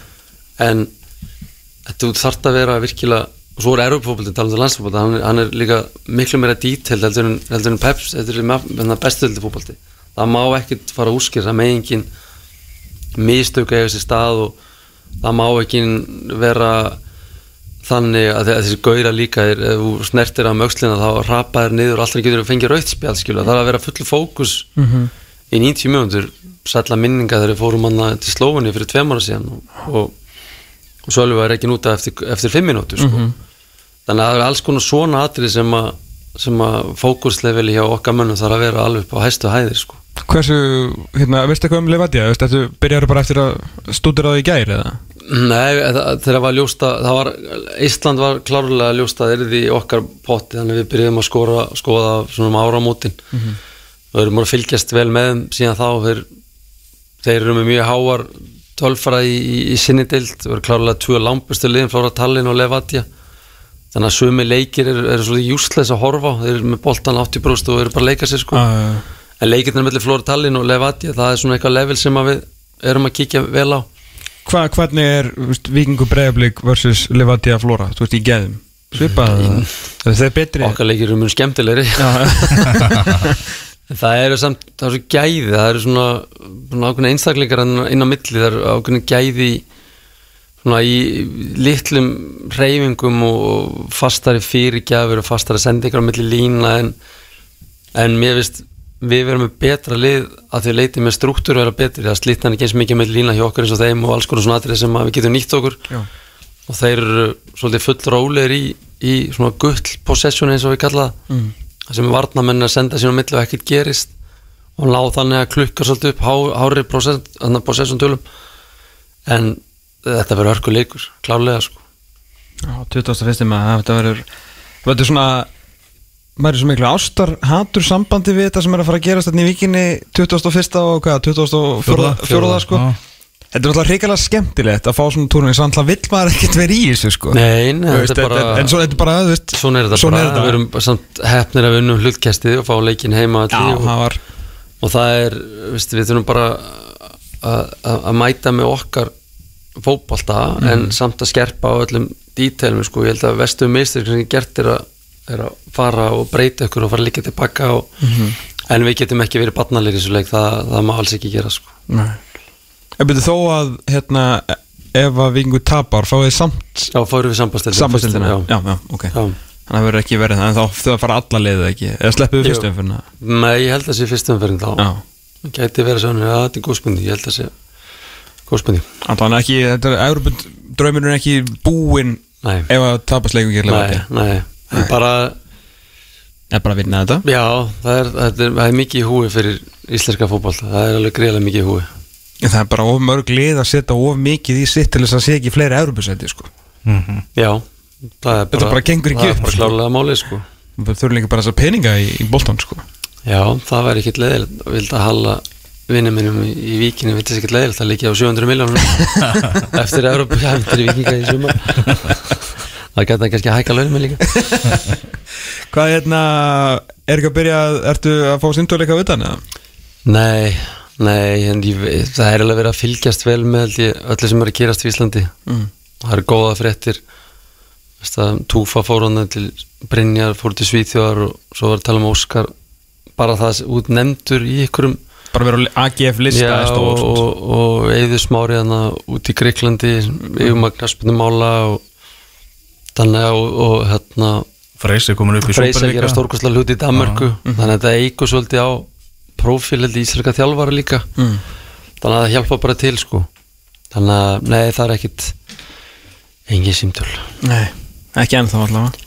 Nei það er, er heldur ekkit stressi við því. Að mitt tímambil hjá, hjá okkur og, og ég held líka að fyrir mig og öruglega fyrir Óskar og þessi lið sem er í Europakefni að, að pathwayin og áhugin muni aukast stórlega held ég ef hún er frábæra márangri í Europakefni það allir hefur gert það fyrir tökum Graham Potter bara sér dæmi. Mm -hmm.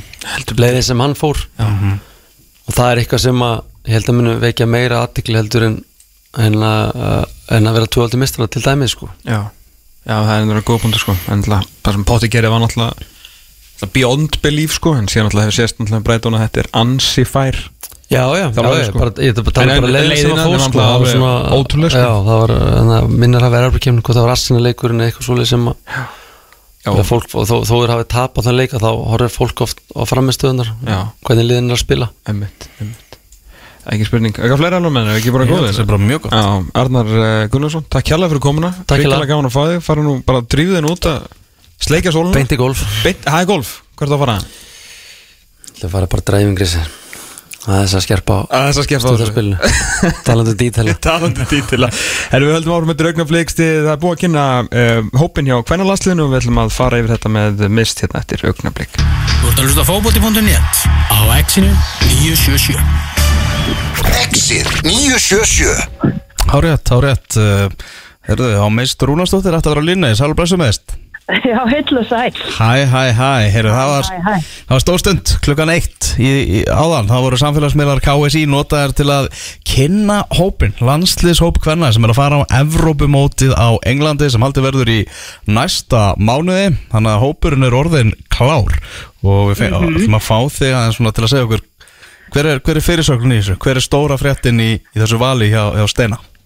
Uh, það er bara nákvæmlega engin stór frétt í þessu vali. Því Ok. miður, þetta er bara... Takk þá fyrir mist uh, Já, ok, bæ.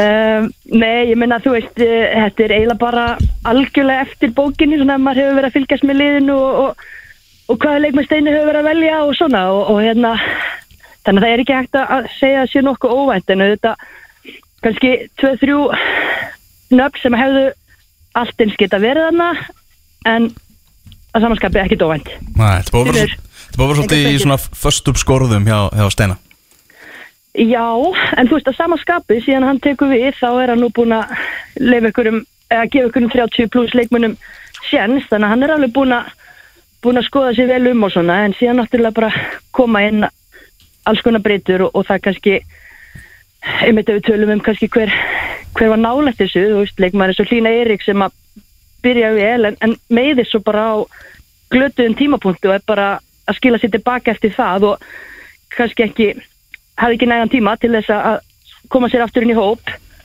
En, en hérna e, þú veist, já, þessi, hann, hann er búin að kera þarna á einhverjum rú- rúmlega 30 og, og maður hefur séð þetta svona í síðustu verkefnum þetta er að þetta er allt saman að skýrast og, og þó að fjölmiðlar hafi verið að þú veist, reyna uh, bara uh, vekja máls á einhverjum ímsum vinglum og öðru þá held ég að, að þú veist, þetta komi svo sem engum á á óvart.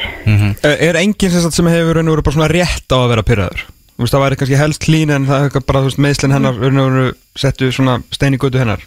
Já, ég myndi segja það og svo Natasja nálægt þessu líka en hún kannski líka menn hún, hún gerði vel í þeim verkefnum sem, sem hún fekk tækifæri í en maður sá það samt, hún var ekki að taka eitthvað burða hlutverk í þeim leikjum. Nei. Þannig hún er á mörkunum uh, stelpunna sem er að spila hérna heim á Íslandi. Ég meina Ásta Eir fyrirlið breyðabliks, hún er búin að vera mjög góð og búin að vera í kringum hópin, hún, hún er náttúrulega, veist, auðvitað er hún, er hún fúl og, og allar þessar stelpur sem er ekki valdar en, en hérna þú veist, bara miða við já, stöðuna á hópnum og hvað hefur verið í gangi þá þá ætti enginn að vera í sjokki þó þetta séu þetta alltaf leðilegt og skellur að- vera nálægt þessu en, en komast ekki allar leið Mhm. Síðasta Europamót, mikil vonbreiði hérna út í Hollandi og hópurinn var fyrir áfið, áfalli svona í aðdraðanda mótsins þegar leikil menn voru, voru að detta út og, og allt það Eh, þessi Mhm. hópu bara núna, svona meðan við hópin sem, að, sem að fór til Hollands það eru svona talsvægt fleiri stelpur sem eru að spila með stærri félagsliðum og eru svona á, á betri stað, menna eru við ekki bara með já, betri hóp heldur en, heldur en í, í Hollandi? Jú, ég heldur sem alltaf með betri hóp. Uh, það er náttúrulega bara breyttin er endalist að aukast og, og hérna meiri samkefni og, og fleiri leikmenn að spila úti á bara mjög háu leveli sem er alveg hár rétt uh, það er náttúrulega, þú veist eins og landsliðsfyrirlón okkar Sara Björk er að koma tilbaka og maður veit ekki alveg nákvæmlega hvar, hversu nálægt sínu besta standi hún verður og, og annað og, og hérna svo er náttúrulega Berglind og, og Svafa ekki búin að, er búin að missa úr vegna meðslaðan í framherjastöðunum og hann er búin að vera mikið rætt um eilinu mettu þannig að veist, það eru svona ákveðin spurningamerki við hvort það verða allar veist, í topp standi, verða allar 100% klárar en, en hópurinn sjálfur myndi ég segja að væri jú, betri mm -hmm. Það er svona það sem fjölmjöla munum kannski helst gera frétta efni náttúrulega í aðdraðandanum er, er Sara Björk og svona endur koma hennar núna inn í þetta lið miðjan búin að spila frábærlega, það er alveg hausverkur fyrir, fyrir Steina að- að að setja saman lið. Uh, já, það er bara, það er algjörlega þannig og, og Steini er bara já, hann er búin að setja saman mjög góða og vel funkarandi miðju þannig að það er ekkit auðvelt fyrir Söru að, að komast þér inn og það er ekkit vist að hún í rauninni verði þar sem starter þrátt fyrir að vera svo sem hún er og meðan að, meðan að hinnar er að spila svona en, en það breytir yngur máli að þú vilt alltaf hafa Söru Björk í hópniðinum og hún fara mun alltaf gefa liðinu það sem hún getur, sama hvaða hlutverk hún fær. Og ég er bara líka ótrúlega spennt fyrir þessum síðasta æfingarleik á móti Pólandi áður en að hérna haldi verður út. Mm -hmm. að hérna sjá svona aðeins hvað hvort að steini sín ykkur gefa okkur einhverjar vísbendingar þar en hann er svo sem alltaf bara fastur í sínu og, og hérna aldrei neinu féluleik eða, eða neitt, bara svona direkt. Algjörlega. Fasteldin uh, maður og, og hérna ég treyst honum bara fullkomlega fyrir að hafa valið uh, hóp, ég er, þú veist, mjög sátt um eitt við hennan hóp þó svo að maður finnur þetta til með, með leikmennum sem hafa verið að banka og, og vera nálægt þessu, en, en ég get ekki sé hver eftir að fara út úr hópnum fyrir eitthvað annan heldur, þannig að 10. júli þá er fyrsta leikurinn Belgia Ísland á þessum umtalaða þarna, æfingavelli í Manchester svo er, Jú, jú. svo er það Ítalía og svo er það Frakland ef þetta er að veðja bara núna, myndur þú telja bara meiri leikur að minna á að, að Sara Björk myndi bara byrja bekknum á móti Belgum í, í fyrsta leik er mánuður í þetta Já, Nei, það er ekki meiri líkur í minni. Ég segi bara 50-50 eins og, eins og staðan er núna. Ég, hérna, ég held að sé, það er erfitt að segja það er mánuður eftir og eða, þú veist, í þetta liðu eftir að koma saman, æfa, gera heilan helling. Þannig að, veist, ég átta mikið á því að, að því að Sara er náttúrulega ekki búin að taka margar landslýsmínútur og ekki margar lífamínútur þannig heldur og er ekki búin að sjá þær mínútur allar. Þannig að ég átta mig bara ekki alveg á einmitt, hva, hvað hún er. En er er ekki eitthvað svona smá skrítið að uh, fyrirliðin, þú veist, 100 leikja konan, Champions League vinnerinn með 20 stóra titla í, í atvinnmennsku sé bara eignaðis batn og er orðin þú veist, á bekknum mögulega í landsliðinu og búin að missa bandið, eða veist, svona, þeir, þeir sem eru dýpri á, á þessu í, í landsliðinu, eru þetta engin umræða?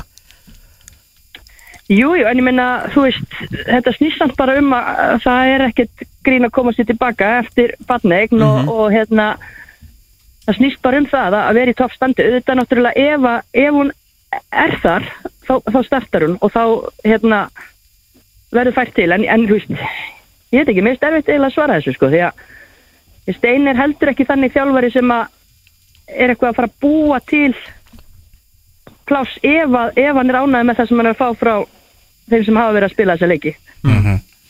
Náttúrulega þetta er, er, er það er svakalegt ár náttúrulega hjá kvennalandsliðinu. Þær fá algjörlega sviði hérna í, í sumar á þessu Evrópumóti og svo, svo í náttúrulega í september þá var það Holland, Ísland þar sem að okkur nægir jafntefli til að tryggja okkur í fyrsta sinn á HM Þetta, þetta getur bara orðið þetta getur bara orðið stærsta ári í sögu kvennalandsliðinu Storm á stormóti og mögulega á leiðin og annað með bara, þú veist, tveggja mánuða millibili. Já, Það er röglega. akkurat. Þetta er bara, já, þetta er, þetta er, þetta er geggjaði tími til að vera, vera til ha, og fylgjast með þessu og, og eins og við erum að tala um að, að það hefur aldrei verið meiri breytti í þessu liði og, og því lík gæði og við skoðum balans í liðinu, ungar, eldri reynsla, ferskleiki og bara samkeppnum hverja já, einustu stöðu, þannig að þetta er bara hrikalega spennandi og, og hausinn vel stiltur líka á þessu liði þannig að, að það skiptir líka máli Já, rosalega fyrirmyndir sko. Hver, hver byrjar í markinu uh, Geðu Belgíu? Sandra mm, eru- Það held ég, ég meina hún er bara hún er búin að vera nummer eitt og, og er að standa sig vel og, og hérna, náttúrulega gríðarlega reynsla í henni, ég meina hún er komið með 20 pluss ári í, í meistarflokki og bara gert vel í sumar með val og mjög vel í, í fyrra með val Faraðu Og öll stormótin? Akkurat hérna, Verður þarna fjórða stormót og fyrsti leikur? já þannig að ég myndi, myndi nú tippa á það að, að Já. það er því ekkit drastíst þar en eh, eins og það er, það er hérna, vel mannað í allar stöður og, og, og hérna eh, steinir með fullt af, fullt af lausnum ef eitthvað kemur upp á og, og hérna og fyrir utan hann 23 manna hóp eru alveg fjóra-fimm sem getur hæglega verið þarna en við erum alltaf að fara að vera bara í ágættismálum held ég. Geggjað. Erum mest bara Og takk hjalla fyrir þetta. Já, takk fyrir, ég ætla að hérna, ég er hérna pæðumótinni í eigin, við erum að koma því að því að hérna, það er svo bara geggjað að vera einn og framtíðin er svo björt sko, þetta er bara algjör veisla að þó að þetta sé risastórt ár í ár, þá held ég bara að þetta verði svona áfram næstu árin með það sem maður er að sjá á, á ítum sumarsins og, og hérna og viðar. Ég, ég fekk ykkur hérna, fekk myndbönd í gær og er búin að fá hún síðust tóta að uh, hún er yngsta, yngsta gumma bendóttir og hérna Krisbergar uh, dóttir sem bara tekið yfir þetta mót Já, hún er ágætt í fótbolta eins eins og hérna hún bera ætti til. heldur betur Það, það er bara þannig. okay. Er bongo EM? Það, já, já, já, Það svo já, já, já, auðvitað. Það eru bestu kveðjur á eiguna Fögru, Mr. Rónsdóttir, takk hjálpa fyrir uh, updateið og spjallið Já, takk fyrir, heyrjum. Heyrjus, bye bye Ég er, með þetta leiðin til eiga um næstu helgi. Það er ekki til að horfa á fótbolta eins og Nei, það er fyrir að gera það sem að þú er góður í. Já, það, það er bara það sem ég er bestur í. Poop Festival, hann Bróðis Brúari Ég býð spenntur eftir því. Já. Er já, við getum séð hópinn Náttúrulega inn á bara miðlunum KSI og fótbolta.net og, og öllu því. Steini verður eh, síðan með fréttamannafund núna eftir rúmal klukkutíma. Herðu, það er nýjönda umferð bestu deildarinnar Eh, Bestu deildin fyrir aftur á stað núna í eh, þessari viku Íbjöfa Víkingur eins og við komum inn á áðan þegar Arnar Gunnlaugsson var hjá okkur. Og einni á miðvíkudaginn KR Ía, það er Krían sem er á dagskráni á mestaraföllum svo er það á fimmtudaginn Káa Fram sem fer fram á þessum nýja bráðabyrðavelli þarna á Káa svæðinu og svo er það Keflavík stjarnan á HS Orkuvellinum uh, FH Leiknir á Kaplakrika velli tvölið sem að hafa ekki verið að njóta velgengni að, að Nei. undarförnu og svo er það Valur Breiðablík sem er svona rúsinnan í pilsuendunum á Origo vellinum 2015 á 50. kvöldi sem að sá leikur á dagskráni Ef við fyrir aðeins í lengju deildina þá uh, voru þrý leikir núna á 50. kvöldi þá hófst uh, sjötta umferð deildarinnar þar sem að Kávaf náði sín fyrstu stiga á, tímabilinu vann 2-1 sigur á móti afturöldingu tókaði svona mósfellinga niður í, í, í slæma ál og, og þjætti pakkanana í, svona, í bótninum Já, vond verður bara verra hjá uh, okkar manni uh, í Mósfellsbænum sko, hann var hann var bjarsinni fyrir, fyrir tímbili en uh, þetta er bara ásamt þrótti vóum þar sem að káa vannleik og maður sko vorum að ræða þetta fyrir, fyrir viku að þeir var að fara að fá núna leiki gegn káfa og þrótti vóum og síðan þór bara allt í beit og þarna verið möguleikarnir á stigum fyrir átturöldingu og ekki byrjaði þessi nýju, stiga mögulega hreina þeirra vel, tapa fyrir káaf og er á samt þrótti vóum einu liðin í dildinni sem er eftir að ég vinna fótballtarík Já, feðga tvenna hérna í, í rauðum spjöldum þar sem að eh, Elmar Kári Kokits, hann fekk hérna líta rauðaspjaldi á 2009 mínútu leikmaður afturrætningar og pappi hans, aðstofaþjálfarinn Enes Kokits, hann var ekki ánaður með, með þetta og Sigurður Hjörstu Þrastarsson rak hann líka velli með, með rauðspjald og ég held að þetta sé örugglega í já, eina sinn eða í fyrsta sinn á Íslandi sem að feðgar fá hérna rauta á sama tíma í, í mestrarflokksleik mm, Gekkjað Já, það var alltaf eitthvað, eitthvað í sig en þá, þetta gengur ekki uh, slembyrjun hjá, hjá afturhaldingum og stórleikur á Selfossi þar sem að Selfoss og, fylgir áttust við og 2-2 enduðu leikar þar. Þannig að Selfossingar áfram uh, tablust á toppi deildarinnar hörkuleikur sem að þarna var, að, var á ferðinni og uh, ekki bara svona stig sem að bæði leik geta örugglega bara svona nokkuð veginn sett sér við Já sko verandi einum færri frá 67. mínútu hefur ekki verið gott Arn Einarsson með tvö gulatna og fjóruminna kabla en sko fyrir selfisinga fá náttúrulega á sig mark á, á 90. mínútu eða þannig uppbót á tíma uh, sko mér finnst þetta helvíti mikið testament um uh, hvar Selfoss er. Já. þetta fengu frábær stigarsöfnun í byrjun uh, fá mörkin frá sínum önnum Rói Tókits og, og Gary Martin. Náttúrulega eiga alltaf mörk í leikjum frá, frá þessum gæjum pluss náttúrulega Gonsin sem að fara verulega, verulega vel að staða í þessari, í þessari deild. En að fylgir mæti þarna og þurfi sko injury time vinner á móti selfish, tíu selfisingum jafnvel svona mögulega það mest impressive sem við séð frá Selfossi þráttur þetta sé bara eitt stík sko. Mhm. sýnur okkur svolítið að þeir eru, eru á, á leiðinni sko. Önnur uh, lið sem eru svona já, hóta því að vera með í baráttinu um að, að fara upp úr þessar deild. Grindavík og Fjölnir gerðu 2-2 jafntefli í uh, svona rússipanna leik uh, Fjölnir með 11 stig og Grindavík með 10 og eins og við talaðum með þessi deild þetta er bara algjörlega einn klessa. mm -hmm. Ógeðslega skemmtileg. Það er að byrja núna klukkan 2 þá er vestri kórdrengir á ólísvellinum og það sagði með góðu maður að sætið hjá Gunnar Heiðari Þorvaldsinni væri orðið ansi heitt þannig fyrir, fyrir vestan. Alls ekki byrjunin sem að, veist, ég spáði vestra öðru sæti í þess að deild. Þeir eru með eitt sigur eftir, eftir fimm umferðir. Já, ekki alveg að ganga upp hjá þér. Nei, ég var bara alveg pott á því að þeir væru að gera líklega að fara bara upp í efstu deild sko. Með Gunnar Heiðar? Ég bara með hennar mannskap sko. Já, já. Gunnar hefur ekki alveg náð að, að stilla saman strengi greinilega. Uh, Háká Þór verður í kórnum í dag klukkan fjögur. Þa, Þetta er akkurat leikurinn sem að pyrra, nú sko, náttúrulega má ekki náttúrulega hákáðandi bílast þegar maður segir þetta sko. Þetta er leikurinn sem að ástæðan fyrir að allir nenni ekki kórnum. Það er 20 stiga hiti úti Þú veist, luxusleikur Ég- Hver var ekki fyrir til að sjá háká Þór líka klukkan fjögur? Þú veist, þú er búin að borða hátið sem að þú kannski, jafnvel byrjaður í dagdrykkinu sko. Já, En það er enginn að fara í kórin í 20 gráðum sko. Ég er ekki að fara. Sorry. Nei, bara ekki séns. Hann er til sko margra hlutar neysanlegur. Já. En 20 gráður og sól?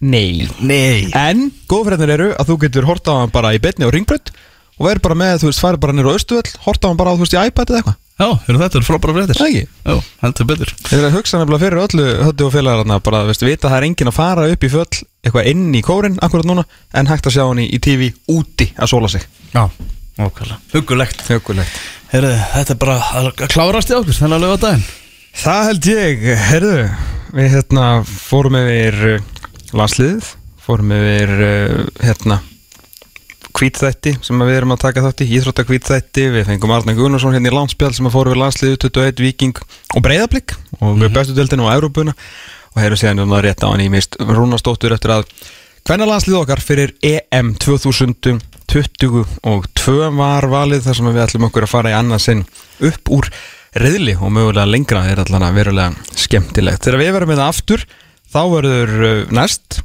Þá verður Benedikt Bóasvarinn giftumæður Já, Við erum verið í brúðköpi næstu viku. Já, bara já, í, í komandi viku. Í Komandi viku. Herra, Ég verð ekki hérna næsta lögadag Nei, ég, það verður fyrsta sinn sem að ég verið hérna einn í langa tíma. Já, Vel, Já, ég verið hérna alveg örglega Þannig að hérna, þú verður á eiginu fóru já heldur betur. Síðastur og varst Já, Þá held ég að Stefán Pálsson Hann var með þér á þessu festivali Já. En kom samt í heimsókn í- Nei, við hringdum í hann já, alveg rétt Og þá var hann að segja okkur að, að hérna, frá æfintýrin þínum og, og fór ekki muffins með þér síðast eða? Já, ég gisti í honum sko Nei, hann alltaf býr hann svo, nei, fór, já, gíslið á með eða ekki? Já, já. já, já, já. og við erum að fara að metta aftur og gistum hérna í, í villunni sem að, að Muffins á já ekki, ekki Eiga, eigenda villan Já, ekki, ekki amalegt. Já. Herðu, þá segi ég bara góða verð Það mögulega hitti nú líklega í þessu brúðköpi Já, ég sko það. Finnst það ansi, ansi líklegt En ég verð einna þá með eh, eitthvað góðan með mér eftir 6 og 22 tíma þangað til. Verðið sæl